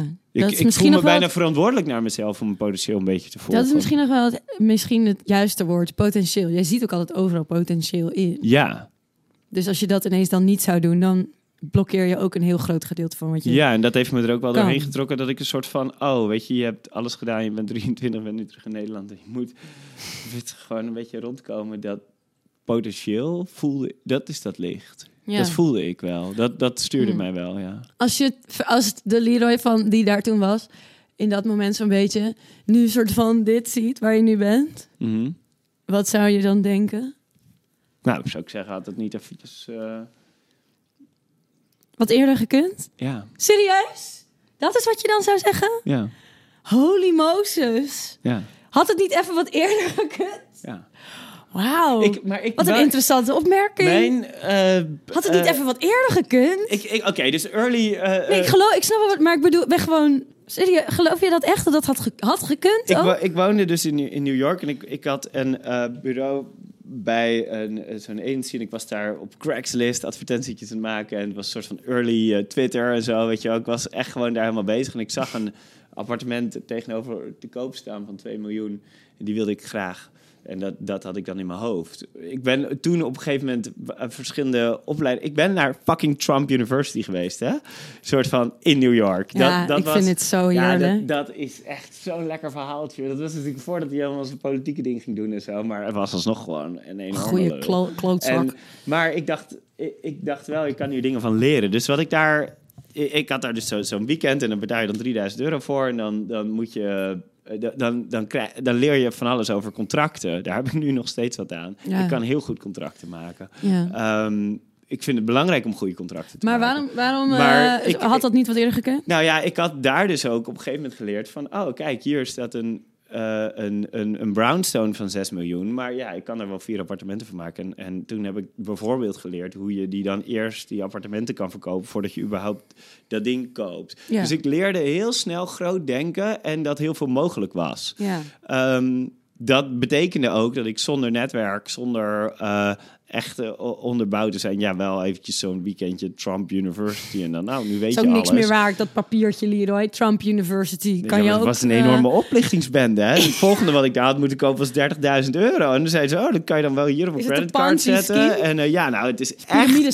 Ze zeiden echt, oh ja, en, dan- en, En dan eh, moet jij die opleidingen moet- gaan verkopen aan Nee, de dat volgende niet, maar ronde. het was wel van, oh, als je dan bij onze club blijft, dan dit en dit en dat. Ja, daar hebben allemaal Tony- mensen hebben Tony hem echt Robbins. enorm... Nee, mensen hebben hem echt aangeklaagd hiervoor. Hè. Dit, dit, was, dit is gewoon echt eh Ja, maar ja. eh firmalist en bedrog. Ja, maar dat is, maakt natuurlijk niet uit. Deze man kan doen wat hij wil. Ja, kon doen wat hij wil. Ja, Nog dus- steeds, maar ik toch? weet niet. Dus, dus dat betekent ook dat ik die verwachtingen van mezelf enorm hoog had. Dat, dus toen ik eh, bijvoorbeeld toen weer terug was in Lisse en hard ro- looprondjes om Keukenhof heen had met zelfontwikkelingsbandjes in mijn oren. En Van Tony, Je toch? moet het gewoon doen. Dat soort dingen allemaal. Zelfontwikkeling. Tegelijkertijd had ik natuurlijk heel weinig, heel, heel weinig vehicles, heel weinig netwerk. Ik had nog geen bedrijf. Ik had heel weinig eh, echte know-how van eh, eh, branding bijvoorbeeld. Of dat heb je allemaal to- tooling. van mij geleerd. ja, met die sales die ik natuurlijk wel had. Maar als je alleen maar die,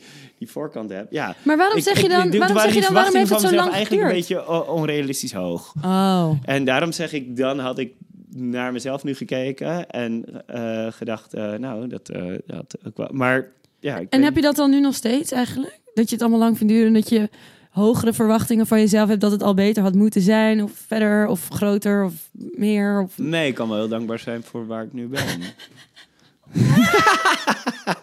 het een sluit het ander. Ja, jezus man.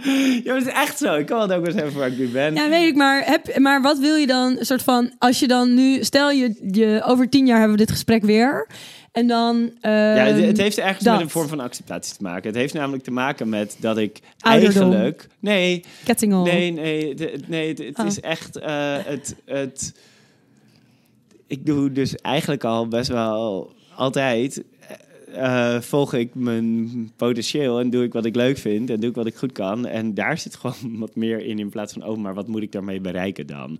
Weet je, wij hebben op een gegeven moment met marketing. Ja. marketing een lijstje gemaakt van, oké, wat willen we doen? We willen graag een museum doen. We willen een venture capital partij doen. En we willen zorgen dat we, ja, want we willen gebouw, graag weten, en we gebouw. wilden een gebouw doen, iets waar je in rond kon lopen. Nou, toen Nou, hebben we Mama gedaan. Gaia gedaan, eh, van, eh, weet je, het nieuwe hoofdkantoor van Dopper, een vegan restaurant. Toen hebben we het Troopmuseum gedaan. We hebben dat, en toen, weet je, dat, ik heb nu niet per se, eh, ja, ik weet wel, ik, ik weet wel wat mijn ambities zijn. Wat dan? Ehm, ja, ik, ik voel gewoon heel veel verantwoordelijkheid voor eh, het helpen vormen van onze cultuur en ons medialandschap. En eh, de manier waarop ehm, dingen geframed worden. Of Ja. waarin dingen in ons, in, zo, in ons collectieve overtuigingssysteem komen te zitten. Mhm. Ik weet gewoon hoe dat werkt. Dus ik voel een verantwoordelijkheid dat ik daar iets aan bij Iets moet goeds mee dragen. doe. Ja, Ja, ja. nou, dat is het ook wel natuurlijk. Ja, terwijl we met z'n allen er natuurlijk van alles aan doen om niet de wereld in de fik te laten vliegen. eh, eh, eh, terwijl, dat, terwijl we dat doen om te zorgen dat, dat we qua cultuur en ehm, menselijkheid ook ehm, ja. Vooruit blijven gaan. Of in ieder geval de komende tijd vast blijven houden. Zodat maar je gewoon veilig over stappen straat vooruit we geboekt hebben. Ja. ja. ja. Ja, maar die, die, dat potentieel heb ik nog steeds hoor. Ik heb nog steeds het gevoel dat ik, dat ik, er, dat ik er nu niet ben. Nee, ik ook hoor. Ja? Ja. Lekker. Ja, ik heb wel altijd het gevoel, maar ja, ik ben natuurlijk ook echt ongeduldig. Wij bij elkaar ook, hè? Ik Ja, zie, heel ik- veel, Wij, ja, wij, elkaar, wij ja. halen bij elkaar echt heel veel enthousiasme vandaan. En visie en, en eh, mogelijk, het gevoel van mogelijkheden. Het gevoel van dingen doen. En ik, wel het gevoel dat we meer, althans, dat heb ik wel, dat we meer kunnen samen dan dat ik in mijn eentje zou voor elkaar zou kunnen nou, dat is, krijgen. dat is wel echt eh, de, de grootste les dan geweest van de afgelopen en dat het ook veel makkelijker jaar. is hè, om elkaar te Of verkopen. Allemaal mensen eromheen. Ik, ik doe nu bijna alles gebaseerd op, op community en netwerk. Elke gedachtegang. Ja, Hoe is dat ook ik- niet eigenlijk gewoon heel logisch? Als je Ja. naar mensen kijkt. Ja, lekker local. Ja, weer klein, Eigenlijk, klein gewoon. denken. Ik, Ja. ik, ik weet dat ik toen wij eh, Bas Berends ontmoetten, Ja. eh, hij is de oprichter van WeTransfer. En dat was toen we dus die venture capital partij gingen eh, doen. En laten we nog een heel tof project gedaan dat we een Ja. ei ontworpen hebben waar je in kan mediteren. Meditatie-ei. met hem.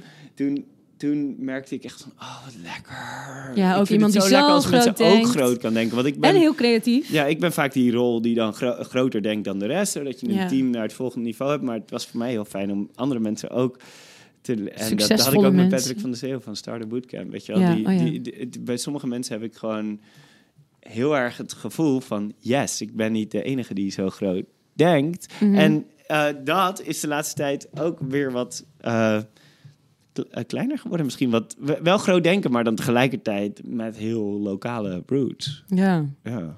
Zijn dat dan een soort van rolmodellen? Heb je rolmodellen? Heb ik rolmodellen? Ja, of vroeger had je dat? Vraagteken? Voor ik zei het een beetje als een statement. Nou ja, dat was toen, als je zegt, Ja. waar ik nu aan denk, dat was Nee. Anthony Robbins wel. Want Ja, ik, ik heb heel veel daaraan gehad, ja. Aan een soort van die lelijke Amerikaanse zelfontwikkeling. En Ja, en wel echt. alles. Maar tegelijkertijd heb ik daar heel veel pijn. En dat weet jij ook, want we hebben samen een keer zo'n training gedaan. En, en toen moest ik ook wel door een aantal traumaatjes heen die ik juist heb gekregen van al die zelfontwikkeling. Want als je alles dus zo zeker weet, Ja. dan is er dus heel weinig ruimte voor zelfontdekking. Ja. En, en dat, dat is echt iets waar in de hele markt van zelfontwikkeling overheen gekeken wordt. Eh, dat, dat, Nog steeds? ja, oh, ja, echt. Want je kunt natuurlijk... ehm, ja, of je kunt helemaal mindful gaan en alles is. Maar er zit zo in... Er zit zo'n grote... Op het moment dat je zegt dat, dat, dat overtuigingen te vormen zijn... Overtuigingen is, is trouwens ondergeschikt aan identiteit... Eh, op het moment dat je zegt dat overtuigingen te vormen zijn, dan moet je heel goed opletten wat je nog meer zegt als zender. En als zender die ik Hmm. kreeg, was dus een eh, enorme grote witte Amerikaanse man, die heel erg jaren tachtig Ja. was. En eh, heel, heel Ja, echt vanuit alles kan. Je, nooit een voorbeeld eh, erbij gepakt van hoe zou een transbeleving daarvan zijn. nee, dat, Die, dat die die hele, heeft hij helemaal hele niet. wereld die zit daar niet in. Nee, is echt vreselijk. Eh, eh, dat heeft mij heel veel ehm, schade aangebracht. ja. Ja, ik wist op een gegeven moment ehm, zoveel zeker. Ja. En dat, dat is echt het slechtste wat ik ooit heb kunnen doen. ja, maar ja, tegelijkertijd heb je er ook echt heel veel aan gehad. Ja, want ik weet, ik weet nu, eh, ik, kan- ik, ik kan nu mensen juist heel erg helpen in de gesprekken die ik heb. Door, Ja. door het perspectief te bieden dat dus eh, twee dingen naast elkaar kunnen bestaan. Ja. Ja, en je hebt dat, je hebt, we hebben inderdaad zo'n cursus gedaan, cursus training, whatever. Wanneer was het? 2020 of zo? Dat heb je ook wel echt een en ander doorgebroken. En voor mijn gevoel Ja, toen had ik ook veel nog heel daarna. sterk overtuiging dat, dat biseksualiteit bij mij voor altijd pijn zou opleveren. Ehm, Ik denk ook dat je pas daarna, of pas, maar in ieder geval dat je daarna meer, dat heb je toen daar best wel doorbroken enigszins. Of dat idee een beetje los kunnen laten en dat je daarna ook meer naar buiten. Nee, dat was daarvoor al wel. Ja, het is meer, dat was meer voor mezelf nog. Dat ik Ah daar, ja. daar door, doorheen wilde breken. Ik, ik, ik had gewoon echt het gevoel dat ik... ehm, dat het allemaal goed en prima en acceptatie, maar ondertussen lagen daar nog allemaal overtuigingen onder van, oh ja, maar er is gewoon geen ruimte voor, Nee. de- voor wie ik ben of voor hoe ik me voel, of er is geen relatievorm voor. Ja. Misschien is dat ook wel een beetje waar gebleken, dat we daar gewoon heel hard aan gewerkt hebben en dat zelf gevormd hebben. Ja. En ik weet dat ik.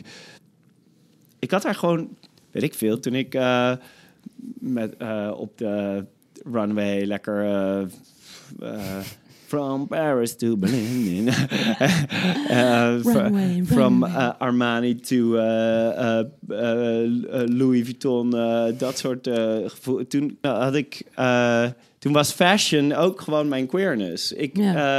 Eh, ik kreeg een vraag op die vraagsticker van... oh, we gaan een podcast mij maken. Dat was van, oh, hoe was het om vanuit een klein dorp naar een eh, eh, stad te gaan? Ik weet nog, toen had ik op een gegeven moment... fashion aan. En dat waren, weet ik veel, ik had leuke van die soort van Bickenbergs klompjes dingen. En toen kwam ik terug in Lisse en toen voelde ik me zoveel. Ja. en dat was ik toch al, want ik had altijd al... Ja, wou zeggen, want jij bent nu, heb je allemaal heel alternatief make-uppies en gezellige Ja. spullen aan. En dat, droeg ook wel af en toe al wel een beetje make-up toen ik... Ja, dus eh, ik kon heel veel queerness in fashion kwijt. Dus hoe het voor mij was om vanuit een klein dorp naar groot te gaan en dan weer klein. Ik voelde me enorm veel. eh, to- toen ik met mijn fashion terugkwam in... maar ik was sowieso al wel... weet ik veel, vanuit de kapsels die ik had, vanuit de... vertel even over je kapsels als kind. Vertel even iets over je kapsels. over eh, Je had toch allemaal kapsels? Ja, inderdaad. Ja, dat klopt. Ik had, eh, nou, mijn haar is heel stijl, heel lang. Ik heb eh, heel vaak gezegd, I'm just as straight as my hair. Wat de meest gaye manier is om te zeggen dat je bi bent, denk ik. Maar ehm, ik, ik, ik had eh, eh, dat helemaal zo lekker zo sluiken. Dan moest ik van mijn moeder altijd, totdat ik naar de middelbare school ging, moest ik een haarband in, omdat het anders in mijn gezicht hing. Dus dat was dan al een heel ding. Ging daar leuke haarbandjes van maken, allemaal van verschillende Henky Panky codes, eh, sjaaltjes. Ehm, You wish. ja, I wish. You ik had wish, geen Leroy. enkel benul. Ik, eh, ik, wa- eh, toen heb ik eh, dreadlocks gehad, toen ik eh 13 was of 14 of zo. En dat was natuurlijk hartstikke cultural appropriation. Maar de culture die ik appropriëerde was eigenlijk meer de culture van... al die soort van ongewassen Hippie-types. acro-yoga types. eh, die... shade, left and right, Zo throwing shade. onaardig. Maar wel een beetje waar. Dat was gewoon hartstikke leuk. eh, eh, leuke alternatieve cultuur Ja, waar, ja. eh, waar ik me aan wilde Ja. waar ik aan wilde refereren, de, mijn zus die was vegetarisch. Dat brak voor mij echt een wereld open. Toen ik elf was, hoorde ik dat dat kon, dat dat iets was. Dat, ik wist helemaal niet dat dat Je hebt iets wel was. echt nodig hè, dat mensen jou vertellen dat iets bestaat. Ja, anders weet ik het niet. En, en, en, en toen dacht en toen vanaf dat een op de andere dag nooit meer vlees gegeten. Omdat ik dacht, oh, dit kan. Ik ben gewoon een zeg maar, dat is, Ja. dat is wel echt een identiteitsding. Ik moet gewoon echt geen dieren eten. Nee. Vind ik echt. Mensen het vinden Ja, wordt echt lastig moeilijk, of ja. zo. Ik vind het gewoon echt smerig. Echt een smerige gewoonte. Ik zie ook, ik verbind heel snel in mijn hoofd twee dingen. Twee, eh, Ja, Oké, ik wil niet helemaal in de, die, in de vlees gaan hoor. Nee, Eigenlijk. nee, maar ik, zie, ik verbind het zo'n zo, zo, zo'n heel proces aan elkaar. Dus het is voor mij zo'n zo'n soort van één ding. Dus, dus, dat, dus Ja. dat. Dus, oh ja, maar eh, dat eh, uitzicht natuurlijk allemaal in mijn hele heerlijke Waterloopplein-stijltje met mijn dreadlocks. En die had ik Dus eigenlijk was je altijd al wel een soort van Ja, rood-groen haar. ja, ja, Dreadlocks. ja, ik weet niet. En, eh, dus Rommel. ik werd altijd natuurlijk... eh, althans, Werd je gepest? Ja, nou ja, dat. wat je altijd hoort, hè? Van queer mensen worden handig met humor, al- omdat ze anders zijn. En mensen proberen. je probeert toch op een bepaalde manier te conformeren. Ehm, ik je niet heb het geregeld dat dat wat andere mensen als pesten eh, bestempelden, namelijk mij tijd meisje noemen, mij pipo noemen, eh, d- Hmm. dingen de hele tijd over mijn kleding, over mijn haar zeggen, over hoe ik bewoog, over hoe ik praatte, over hoe ik lachte of mijn aanwezigheid. Eh, ik eh, zette mezelf qua status daarboven en Mhm. ik overtuigde andere mensen in mijn klas dat dat, dat ook zo was, waardoor de ehm, de, de, de, lack of creativity eigenlijk een beetje een schande was voor de mensen die mij probeerden te Mensen probeerden Mm. mij wel te pesten, ja. Dat, is, dat is wel het antwoord. Maar die kwamen daar niet altijd even goed vanaf. Want Dus je voelde dat niet als vervelend. Maar had, had je dan niet heel weinig aansluiting of zo met mensen? nou, ik voelde het wel echt als vervelend, ja. Maar eh, meer vond ik gewoon die gasten die mij aan het pesten waren echt zo lelijk en dom. ja, ja, ja. Ja, dus ik ja dan wordt het wel was makkelijk. echt alsof je Doet last het je hebt niet van, zoveel. van eh, Zo'n chihuahua die tegen je benen wel? aanspringt. Ja, het gewoon echt. Ja, ik voelde dat zo ver onder mij. Chill wel. Ja, Het is toch weer de confidence ja, of zo. ja. Thanks, Mada. Ja. En toen, maar toen wij elkaar leren kennen, Maar die moest ik ook, Toen was daar moest ik zekerheid in vinden dus meid. ook, hè. Daar begon al wel van, ik moest daar dus zekerheid in vinden. ja, je ik moest het verkopen. Ja, Je moest het brengen. who I am. Ja. En dus ook zekerheid hebben over mijn seksualiteit, dat ik wel echt straight Ja. was. Ja, en dat, dat, heel dat wie jij was heel nice. Ja, en dat, was het goed natuurlijk ook was helemaal niet leuk leuk voor mensen om me heen op de middelbare school. Voornamelijk niet voor mensen die gay waren. Nee, ja, ja, ben je eh, hartstikke toxic. Ja, de- een mijn beste vriend was gay. En dat was natuurlijk echt helemaal niet prettig voor hem. En Nee. voor mij ook niet, want dan voelde we aan de ene kant heel sterk connectie. En aan de andere kant wist ik allerlei dingen helemaal zeker. Ja, Jezus Christus, Ja. daarmee kan je wel behoorlijk schade aan doen. ja. Dus dat...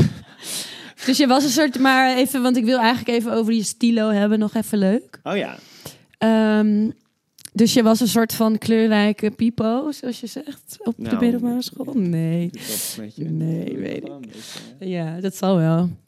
Ehm, maar eigenlijk dus gewoon heel creatief en leuk en lookjes en fun. En Ja, en mijn zus kon me daar heel erg bij helpen toen. Ging, die, die kan wel door het Waterloopplein heen spitten en Ja. eh, het zes winkels af achter elkaar. Ik kon Niet dat zo niet. goed. Nee. En dat kon je ook wel zijn tijdens modellenwerk. Ja, nou ja, Meer een soort kijk, van die flamboyant.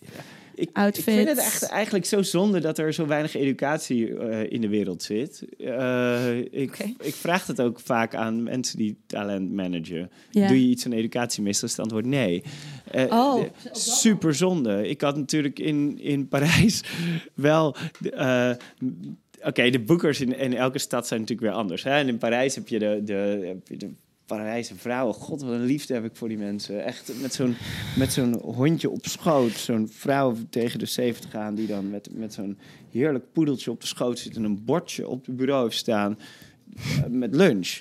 En dan kan je gewoon ernaast staan en tegen het raam praten. En ze wijst alleen maar naar dat bordje. En eh, dan als dat bordje weggaat, dan kan ze weer met je praten. Weet je, Zo van, ik ben aan het lunchen. ja, en die Don't vond het natuurlijk behoorlijk. eh, Wat als toen ik ergens zei en ik was bij, Oh. eh, was dat, eh, Ba- Balenciaga, eh, was ik langs geweest. En net was ik aan het oplezen van een formuliertje. Ik wist even niet meer wat er stond. Iets met een B. Ja, dan, dan, dan spuug je natuurlijk echt in het gezicht van zo'n vrouw. En dan zegt ze van, en je weet ook niet wie Christian Dior is. En dan gewoon, eh, dan... Zij dacht echt, wie is deze uneducated bitch hier Ja, aan mijn iedereen bureau? was hartstikke uneducated. Al die modellen wisten geen- geen fuck wat ze aan doen waren. Eh, eh, ik vind dat best wel jammer. Ik had daar veel meer kunnen beleven wat ik daar nou eigenlijk aan het doen was. Weet je, ik liep En, zo'n maar qua op. stijl, want, want Het was natuurlijk allemaal veel te duur. Dus, eh, maar je had het wel aan. Je kon wel alle designer outfits ja, dat aan. was wel echt heel fantastisch. En af en toe had ik in één keer heel veel geld. Dan ging ik daar, bijvoorbeeld, toen ging naar de, ik, eh, naar, eh, had ik bij Hugo, had ik allemaal een soort van dingen gekocht. Ja, weet ik veel. Mijn stijl was echt zwaar onderontwikkeld voor waar ik was. Ja? Ja, nou ja, kijk, ik, Had je niet leuke lookjes, dingetjes? Jawel, ja, zeker wel. Ja, echt wel. Maar ook... ehm, eh, bijvoorbeeld wat ik had... In Tokio was het heel leuk. In Tokio voelde ik ook allemaal vrijheid en zo. En je gaat je ook met al die modellen wel weer ergens aan conformeren. Dan Mm. zit je weer in een nieuw stijltje. Nou, dat is ook niet altijd best. Want er, dan moet je met al die echte mannen, jongens van uit Brazilië... weet je wel, die gewoon er goed uitzien met een t-shirt en een korte broek... Ehm, Dus je had niet zo boeiende stijl dan ook zelf daar eigenlijk. toen in, die castings, Parijs, Milaan en zo, nee, niet zo boeiend. Maar toen ik in Tokio was wel, want toen had ik veel ook zelf gemaakt.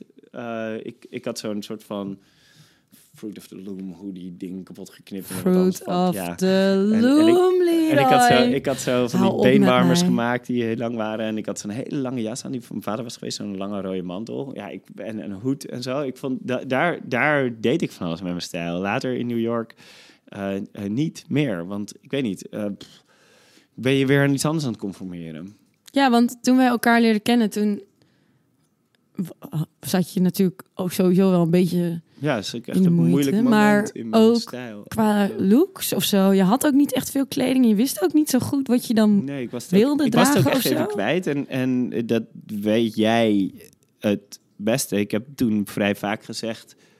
Ik mis mijn spark. Ja, Waar is Leroy? ja, Waar, als ik het net heb over dat licht en dat potentieel en zo... daar kon ik toen niet bij. nee. Ik eh, miste mezelf. Ik miste mijn potentieel. Ik miste mijn fashion. Ik miste mijn queerness eigenlijk gewoon. Mhm. ik, ik was zo queer in Tokio. Ja, Ehm, en ik had nog geen ruimte gevonden om daar weer ruimte voor te maken Nee. in Nederland. mhm. Ook in de start-up wereld. dat was wel echt Waarin- dan tien jaar of zo. Of acht een, jaar. een dat je overhemd en een spijkerbroek aan heeft. Ja. En, en, en, eh, Maar dat is best een lange periode dan, toch? Waarin je niet echt in je outfits lekker jezelf of helemaal dan daar. Ja, best wel lastig, ja. En dat, ik, eh, ik eh, heb dat vrij snel dan op budget gegooid ook wel ergens een keer. Maar Ja, ook weer ergens handig geparkeerd. ja, en eh, ik had ook wel, weet je, En het ook prima. ik luiers bedoel, te verschonen Ja, je zo, hebt ook andere dingen te doen dan, weet ik veel, helemaal. En dat op het moment dat, dat je naar Maslow, Maslow kijkt, dan zie je natuurlijk ook dat de, de, de laag waarin je meer gaat kijken naar zelfexpressie, waar fashion dus onder zit, De human needs bedoel je? die, die komt eventjes na veiligheid. ja, En, en na, stabiliteit. en dat je er ja. soort van die basis weer hebt. en die, de- dat was voor mij sowieso toen ik terugkwam in Nederland heel belangrijk. Mhm. Eventjes, oké, De basis. Ja, de basis, maar voornamelijk toen ik, toen ik jou ontmoette, lag ik natuurlijk echt wel eh, behoorlijk ehm, eh, eh, overhoop, Ja. zo maar te zeggen. Toen ging je een fashion student daten. Nou, het was het allemaal opgelost. Nee, grapje. Nou, ik, ik weet wel, kijk,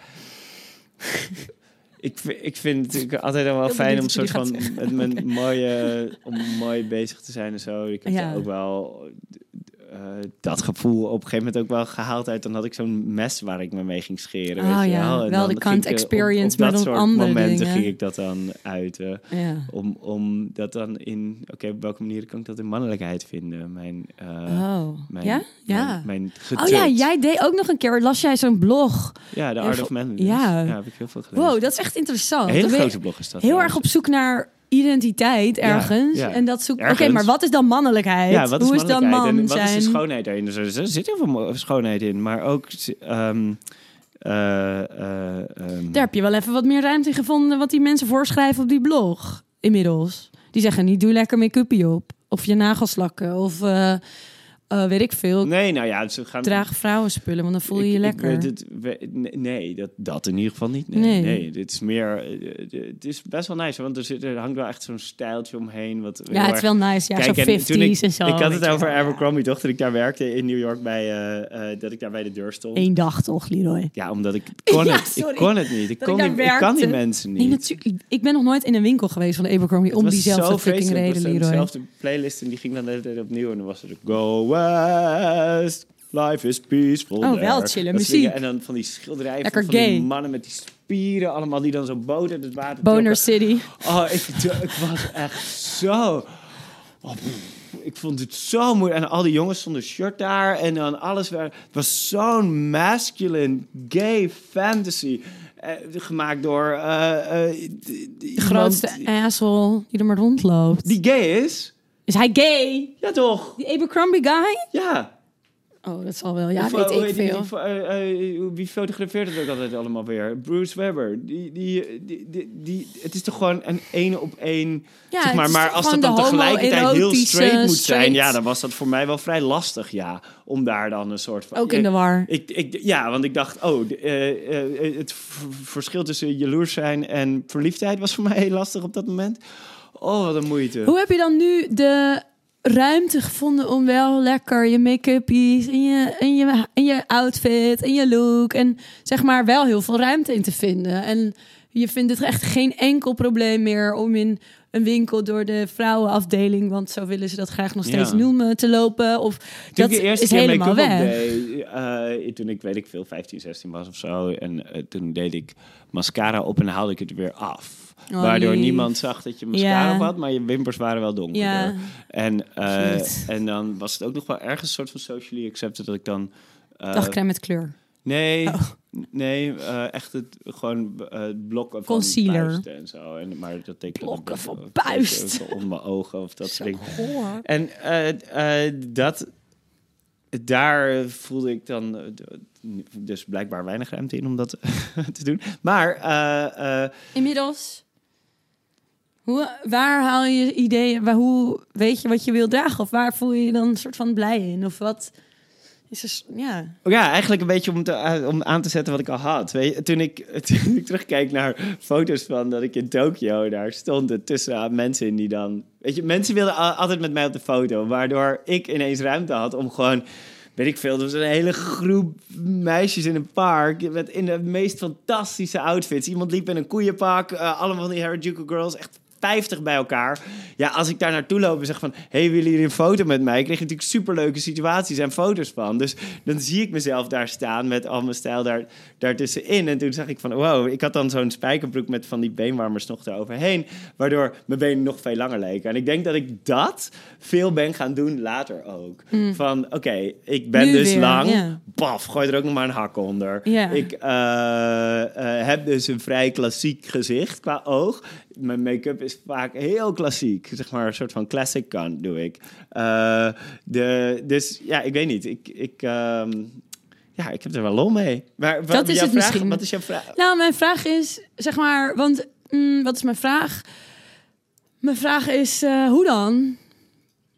Ik kan me echt heel goed voorstellen.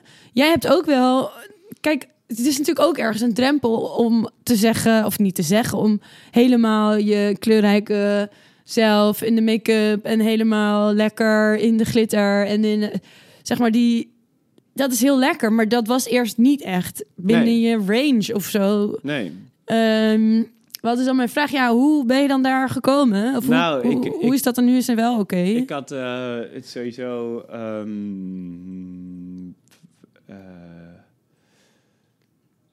ik heb natuurlijk wel vrij veel make-up op, op mijn gezicht gekregen tijdens modellenwerk. Ja, dat helpt. Als ik ergens binnenkwam, was het altijd. Weet ik veel. Ik was die. Ik had best wel een rock and roll look. Skinny, Geloof het of niet? lang haar. eh, Rock'n'roll. ja, dat, dat was wel altijd het Ja. vakje. Weet je Ja. wel, gooi maar eventjes wat Uh. designer gear eromheen. Een Ja. beetje leather. Ga jij maar op, op, op- eh, doe maar alsof je naar de kloot op de grond ligt. Een microfoon in je hand. Let's call it fashion. Let's call it fashion. dus, dus ik kreeg eh, ja, dus niet alleen maar de, de soort van mooie make-up, maar ook echt wel de, gewoon de ooglooks erop. Ja, ja, ja. Dus ja, dat vond ik gewoon ook wel echt lekker voelen. ja. Als ik met hak over de runway liep, voelde ik er ook echt wel van... Je Weet je, ik, ik kon daar... I, I was feeling my can. Ja. Veel met stylisten toen ook in contact gekomen, zo die dat... En, en, en dan is de normale wereld is dan een andere rol, hè? Die Ja. heb je, of je bent eh, aan of je bent uit. En op een gegeven moment... eh, eh, hebben wij een interview gehad ergens. En toen had ik een beetje wat op mijn oog gedaan. Want toen vond ik dat in die setting wel chill konden. Wij hebben Futures natuurlijk gedaan. Al die, al die masterclass die we opnamen. Daar, Oh, daar deed ik toen vaker tijdens Direction. Want ik merk dat ik f- eh, Toen ben je dat wel wat meer gaan dragen, ja. Ja, omdat ik, Kleurtjes. ik wil graag dat mensen van mij meekrijgen. En die, dat waren allemaal ook wel over allemaal gevoelige onderwerpen en zo. En als ik een, een, een als ik aan director ben, dan wil ik zelf ook gewoon goed mezelf Ja, laten zien. Of meer mezelf. Dus ik, ik wa- was dat al wat aan het doen. En toen heb ik op een gegeven moment heb ik een, een schilderij of een tekening of zo gemaakt waarin iemand met een bordje stond. "I- I- I'm not fitting in again. Ja. En dat was voor mij een, eh, een, eh, een Ja. momentje, ja. Oh ja. Ja, en ik denk ook wel dat je toen daar... En Mandy had een paletje voor me gekocht. Ik deed eerst Ja, met meer met eh, een soort van ja, eh, oogpotloodjes. oogpotlood. En toen had Mandy had Dat een, klopt, eh, ja. een mooi Mac paletje. dat heeft ook wel gekocht. bijgedragen. Echt zo leuk. Ja, ja, kijk, ik was natuurlijk sowieso al mee bezig, maar zij benoemde dat vorige week. Dat Ja. ze van, oh ja, daar heb ik aan bijgedragen. Ja, echt zo leuk. heb je ook aan bijgedragen. Maar ik klopt wel dat er echt zo'n moment was voor jou dat je dacht: oh shit, ik mis. Ik ben wel helemaal leuke mens. eh, met alle spark? outfits en de Ja, spark en de waar fun. Is, waar is het? Waar is, waar is Leroy? Waar ben ik? En dat, dat kan jaren duren. Dat kan echt jaren duren. Leroy is hier. Leroy is hier. Ik roep het ook heel vaak tegen Leroy jou. is hier. Leroy is hier. Ja, jij zegt dat dan echt ben ik vaak. er. Dan voel ik mezelf even hier in het moment waar ik ook ben. En met mijn hele zelf. Ja, dat kan, dat kan lang duren. Oh, wow, ja, maar ik weet natuurlijk ook... Zeg maar, ik hoor dat ook van mensen. Wat? Nou, die dan vragen over onze relatie of over biseksualiteit of over... Oh, maar dat zou in mijn relatie nooit kunnen. Of nee, dat, dat is niet voor mij of dat kan ik niet. Dan... Ja, het kan heel lang duren. Ja, dat, doet, dat raakt me wel ergens. Soort Ja. van. Snap ik wel. Ja. Maar je kan dat heel goed aan. Dat gevoelige. En ik merk ook wel dat ik... ehm, ja, ik, heb- ik, dat is misschien ook wel leuk aan een mens opvoeden. Eh, ik dacht dat, een, de- dat je je waardesysteem dus wel aardig kan overdragen. Wat het natuurlijk helemaal niet waar is. Zeg maar, in... Wat, hoe kom je hier ineens bij?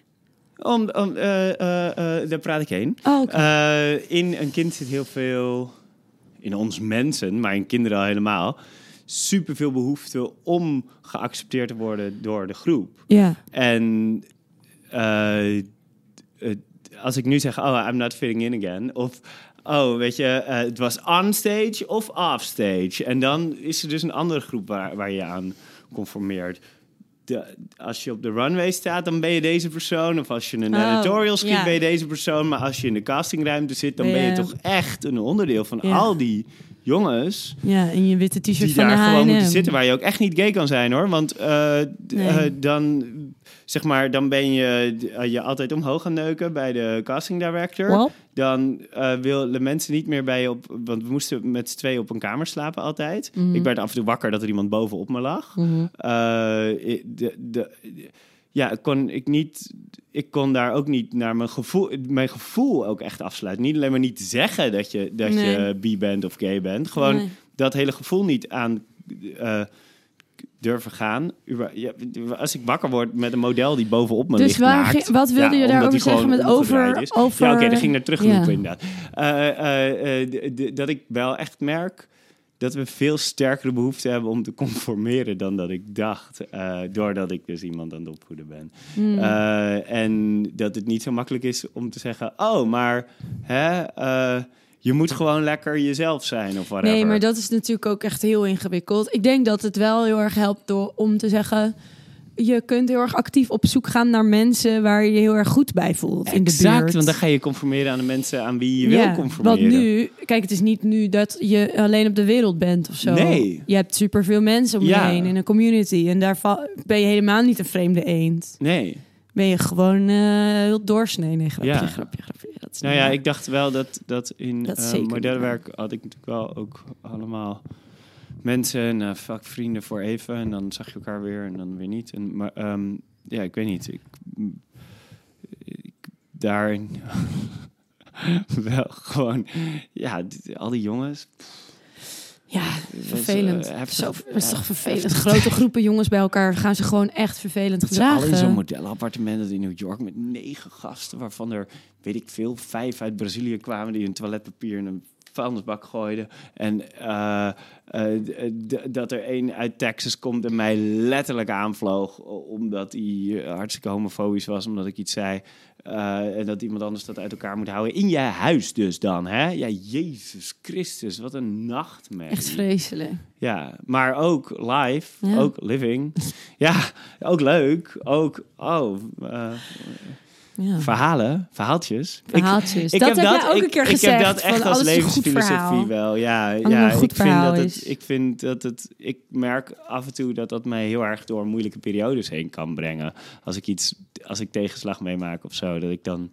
Dat ik me vasthoud aan dat, het, dat, dat, dat, dat alle bladzijden bij elkaar dan wel een goed verhaal zijn. Nice. Ja. Wil je nog ehm, een soort hoop uitspreken voor de toekomst? Ik hoop op dat het verhaal alleen maar mooier wordt. Ja, nou, dat is wel... Zijn er een soort van ambitie? Wil je ergens, waar zie je jezelf over vijf jaar? Wie ben je? Niet per se, oh, dan heb ik deze carrière of zo. hoor, Organisatie is het voor wel mij heel erg. wat- Alle, alle ideeën die wij hebben, alle dingen die wij, alle ambities die wij hebben met ons bedrijf Marketing Marketing, met wat wij willen doen met eh, de, eh, de, de media die we maken, maar ook de, de community die we daarmee mee creëren. Mhm. Dat, eh, eh, eh, dat meer en meer organisatie daarin en meer. Ja. Ehm, ja, daar gewoon echt de, de, de volgende stap in. En de, Ja. de verdieping en de uitbreiding daarvan. Ja, En hoe wil je je voelen over vaag, tien jaar? Hoe wil je je voelen over jezelf? Ehm, Want je bent nu bepaalde leeftijd. ik kan me nog best wel... zeg maar, vrij- tien jaar is best wel groot. Ja, ik kan me nog vrij vaak wel een beetje moeilijk over mezelf voelen. Ehm, niet echt moeilijk, maar meer gewoon dat ik op dat moment niet zo goed dingen kan laten stromen of zo. Ehm, hoe wil ik me voelen over mezelf? Blij. Blij. Eh, eh, eh, ja,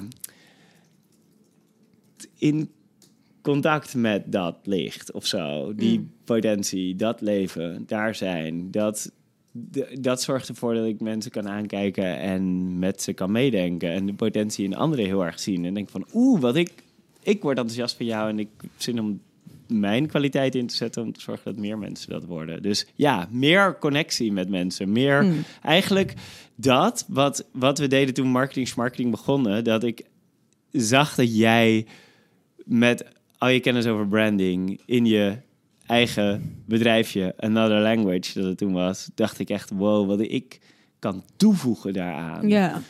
Eh, dat zorgt dat jouw talent nog veel meer ruimte krijgt. En eigenlijk wil ik dat de komende, als, het, als ik iets zou mogen doen de komende tien jaar, Mhm. Ik ga altijd als fucking goed op potential en op talent van mensen. Ja, laat maar komen. Laat ik dat, dit wat ik kan, maar proberen te doen voor zoveel mogelijk mensen om me heen, van wie ik Mhm. denk dat hun idee een goede uitwerking Belangrijk heeft op zijn. de wereld. Ja, Nice. ja, Dat is mooi. ja. Dat is wel mooi, hè? Ja. So it's not about me. And it is about me at the same time. ik het zeggen. Ja. Ja, nou, ik denk on that note dat we wel gewoon weer het een sluit het ander niet uit kunnen zeggen. Ja, Dat is wel een beetje de samenvatting, denk ik, van dit verhaal. ja. Vond het leuk om dit te doen. Wel leuk, hè? Goeie Ja. special. Hele lange special ook, maar Ja. nou, de mensen luisteren er wel naar, denk ik. Even diep cut. Ja. Ik, eh, ik zit ook lekker in mijn ehm, herinneringen door wat je allemaal gezegd hebt. Ik, ga wel, ik heb het gevoel dat ik nu hierdoor dat er een soort van loopjes geopend zijn die misschien dicht waren, wat niet gehoeven had. Nieuwe, eh, nieuwe eh, creatieve ideeën. Ehm, ja. Oh my god, ja, lekker. lekker. Ja. Je bent weer even in contact, contact met jezelf. ja, who are you? Nice, dat Ja. is lekker. Mhm. I love it. Damn it, Noska, mijn ab- absolute favoriete film aller tijden, The Matrix. Daar stond vanaf heel jongs af aan al boven de deur.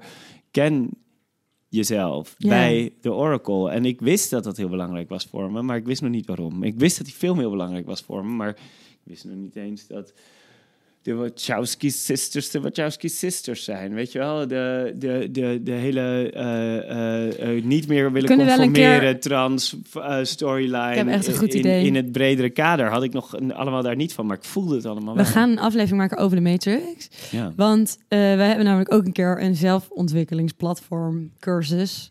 Speaking of zelfontwikkeling. eh, gemaakt. Gebaseerd op Gebaseerd elke scène van de Ja. Matrix. Ja, Dat die hebben helemaal hebben de Matrix uit elkaar getrokken. Elke scène Wat leert hij geëxtraheerd. Wat is de les die erin zit en wel, wie, wie, wie geeft die les archetypisch gezien? Geweldig. En daar hebben we allemaal content Geweldig, toch? gemaakt. Ja, dat is nog steeds heel goed waarschijnlijk. Ja, maar ook gewoon die structuur. Weet je wat, die, die, we kunnen Ja, er alles op leggen. Ja, het is echt Het is nice. echt hè? heel goed. Storytelling. Ja. De most classic storytelling, helemaal fantastisch, eh, fabuleus. En als je vraagt van waar ben je over tien jaar? En als ik dan weet van, oh, het heeft dus heel veel met potential te maken. En met het inzetten van wat ik weet om dat te begeleiden. Ik vind het ook wel, ik vind het ook af en toe wel leuk om te bedenken, wat zou er nu moeten gebeuren in dit verhaal? En ik merk dat ik dat Ah, af en toe is grappig. gebruik eh, in advies naar mensen als ze zeggen van, oh, Zodat het beter landt, gewoon simpelweg. Ja, Goed of- makkelijker is. of, of, bekend. eh, Bekender. Of, of gewoon simpele dingen. Hè? Dat je voor jezelf duidelijk weet wat er nu zou moeten gebeuren. Vaak als één ding gebeurt, dan kan je wel verzinnen wat er in een film de volgende Nou, stap zou zijn. Wat zou nu de volgende stap zijn voor onze marketing-marketing situatie in deze film? Ehm, Ik, ik heb wel een idee. Ja, ja, wacht, wacht even. Ehm wow, een eh, eh, eh, eh, plot twist.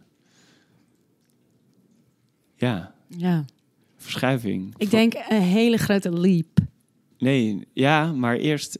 ehm, want we bestaan nu Vijf, bijna zes jaar. Mhm. Ehm, we hebben goed door wat wij heel goed kunnen. Dat, dat doen we. Dat, dat, dat hebben we een aantal keer herhaald. Mhm. Eh, eh, dit, bijna alsof ze nu iets gaat, zou moeten gaan verschuiven. Mhm. Waarin we een les gaan leren die we eigenlijk al geleerd hebben op een andere manier. Maar die op een andere manier moeten toepassen. Alsof we de afgelopen tijd een les eh, eh, eh, geleerd hebben. Mhm. En die misschien nog niet zozeer hebben toegepast. Maar nu veranderen de, de regels dat we nog een keer die les zouden moeten ervaren. Oké. En welke les zou dat kunnen zijn?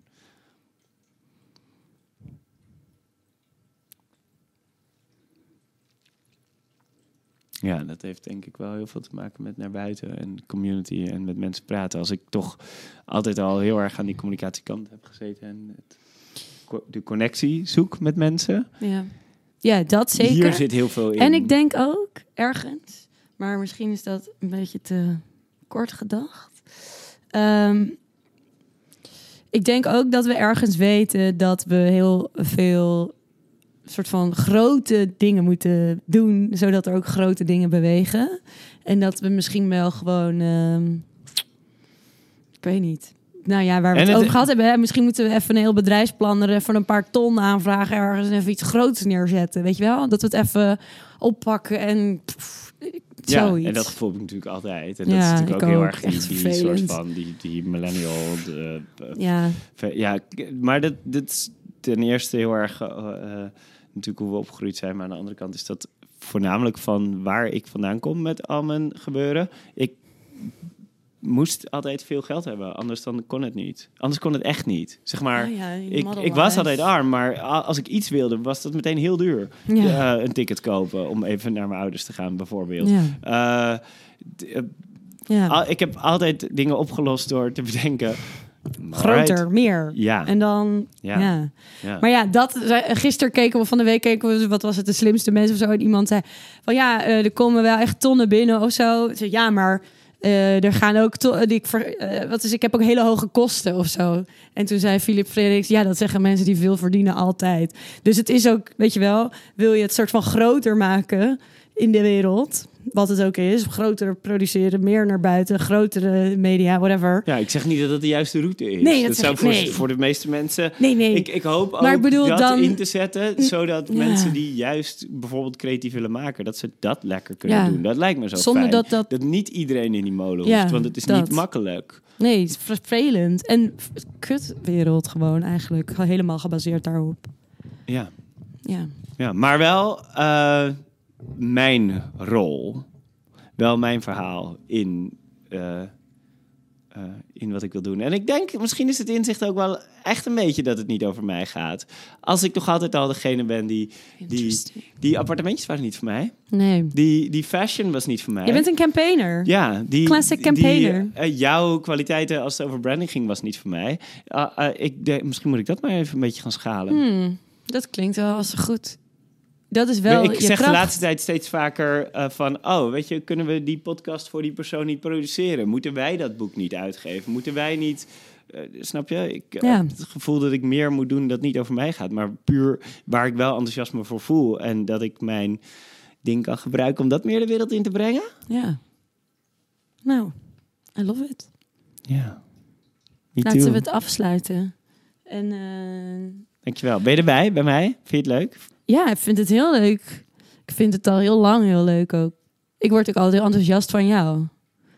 is wel echt zo. Jij kan altijd heel goed mij een soort van meenemen ergens in of enthousiasmeren ergens voor. Of eh, laten inzien dat ik, dat, iets, dat ik iets heel erg kan of zo. Of ik weet Ja. niet. Je kan me altijd erg er. Wat een zekerheid zit daar dan weer in. Hè? Juist zo heel veel zekerheid loslaat door niet de hele tijd tegen elkaar te hoeven zeggen van... oh, ik blijf altijd bij je. Of ik, eh, Nee. ik wil niets anders ooit dan jij. Zeg maar, al die ruimte die zorgt echt ook voor ruimte dat ik je gewoon heel leuk vind. Ja, vaak. ik ook jou. Dat is Ja. echt zo. Dat is grappig, hè? Omdat ik niet meer zoveel niet zo- behoefte heb om zekerheid bij jou vandaan te halen. Omdat ik dus geleerd heb dat dat een illusie is. En daar... daar En tegelijkertijd halen we natuurlijk super veel zekerheid bij elkaar vandaan. De hele 100%. dag, wij werken samen. We zitten de hele dag bij elkaar op de lip. Ik krijg niks voor elkaar mee eentje. Jij ook niet. Dus ja. Maar ja, Ja, is dat veiligheid? zeker nee, ja, is. denk ik ook niet. Ik denk gewoon wel echt een soort van... Ik, vind- jij, vind- zeg maar, het is toch lekker om samen dingen te doen? Ja, ik, ik, ik heb altijd een team nodig. Ja, ik Ja. eh, heb altijd wel eh, ik ben altijd goed gegaan in duo's. Ja, leuk. Ja, Nou, dan is dat wat ik nog wel wil toevoegen. Ik zie, ik zie dan mezelf ook wel bij jou, ja. Want ik, ik heb echt het gevoel, dat is gewoon zo. ja hè? Heb ik ook. Dus dat is natuurlijk ook een vorm van zekerheid. Ja. Maar ik heb ook echt het gevoel van... Ja, hallo, wat, Ja, ik ben er toch voor jou? ja. ja los ook. van alles. Ja. Ja, Ook Nou, en dat wil ik ook wel zijn. Ja, toch? fijn. Fijn, Vera. Leuk. Leuk Leuk. gesprek dit. Leuke, leuke, leuke thanks. Ja, Volgende keer ga je mij interviewen. ja. Nou, Oeh. ben ik ook wel benieuwd naar. Moet ik me wel even op voorbereiden mentaal, denk ik. Nee, denk het niet. Ik denk dat je gewoon lekker gaat zitten. En dat dat, want ik voelde me heel, helemaal verzorgd. Jij had de vragen. Het was wel even lekker eigenlijk. Ja, hè? Ja. Ja, want jij had ergens bedacht... oh, we kunnen zoveel vragen hierover, daarover dit. Ik dacht, ho, ho, mag ik even gewoon eh, zelf een beetje verzinnen? Leuk, Ja. toch? ja. Ja, fijn. Oké, we gaan klappen met de mensen. Jee, nou, doe je.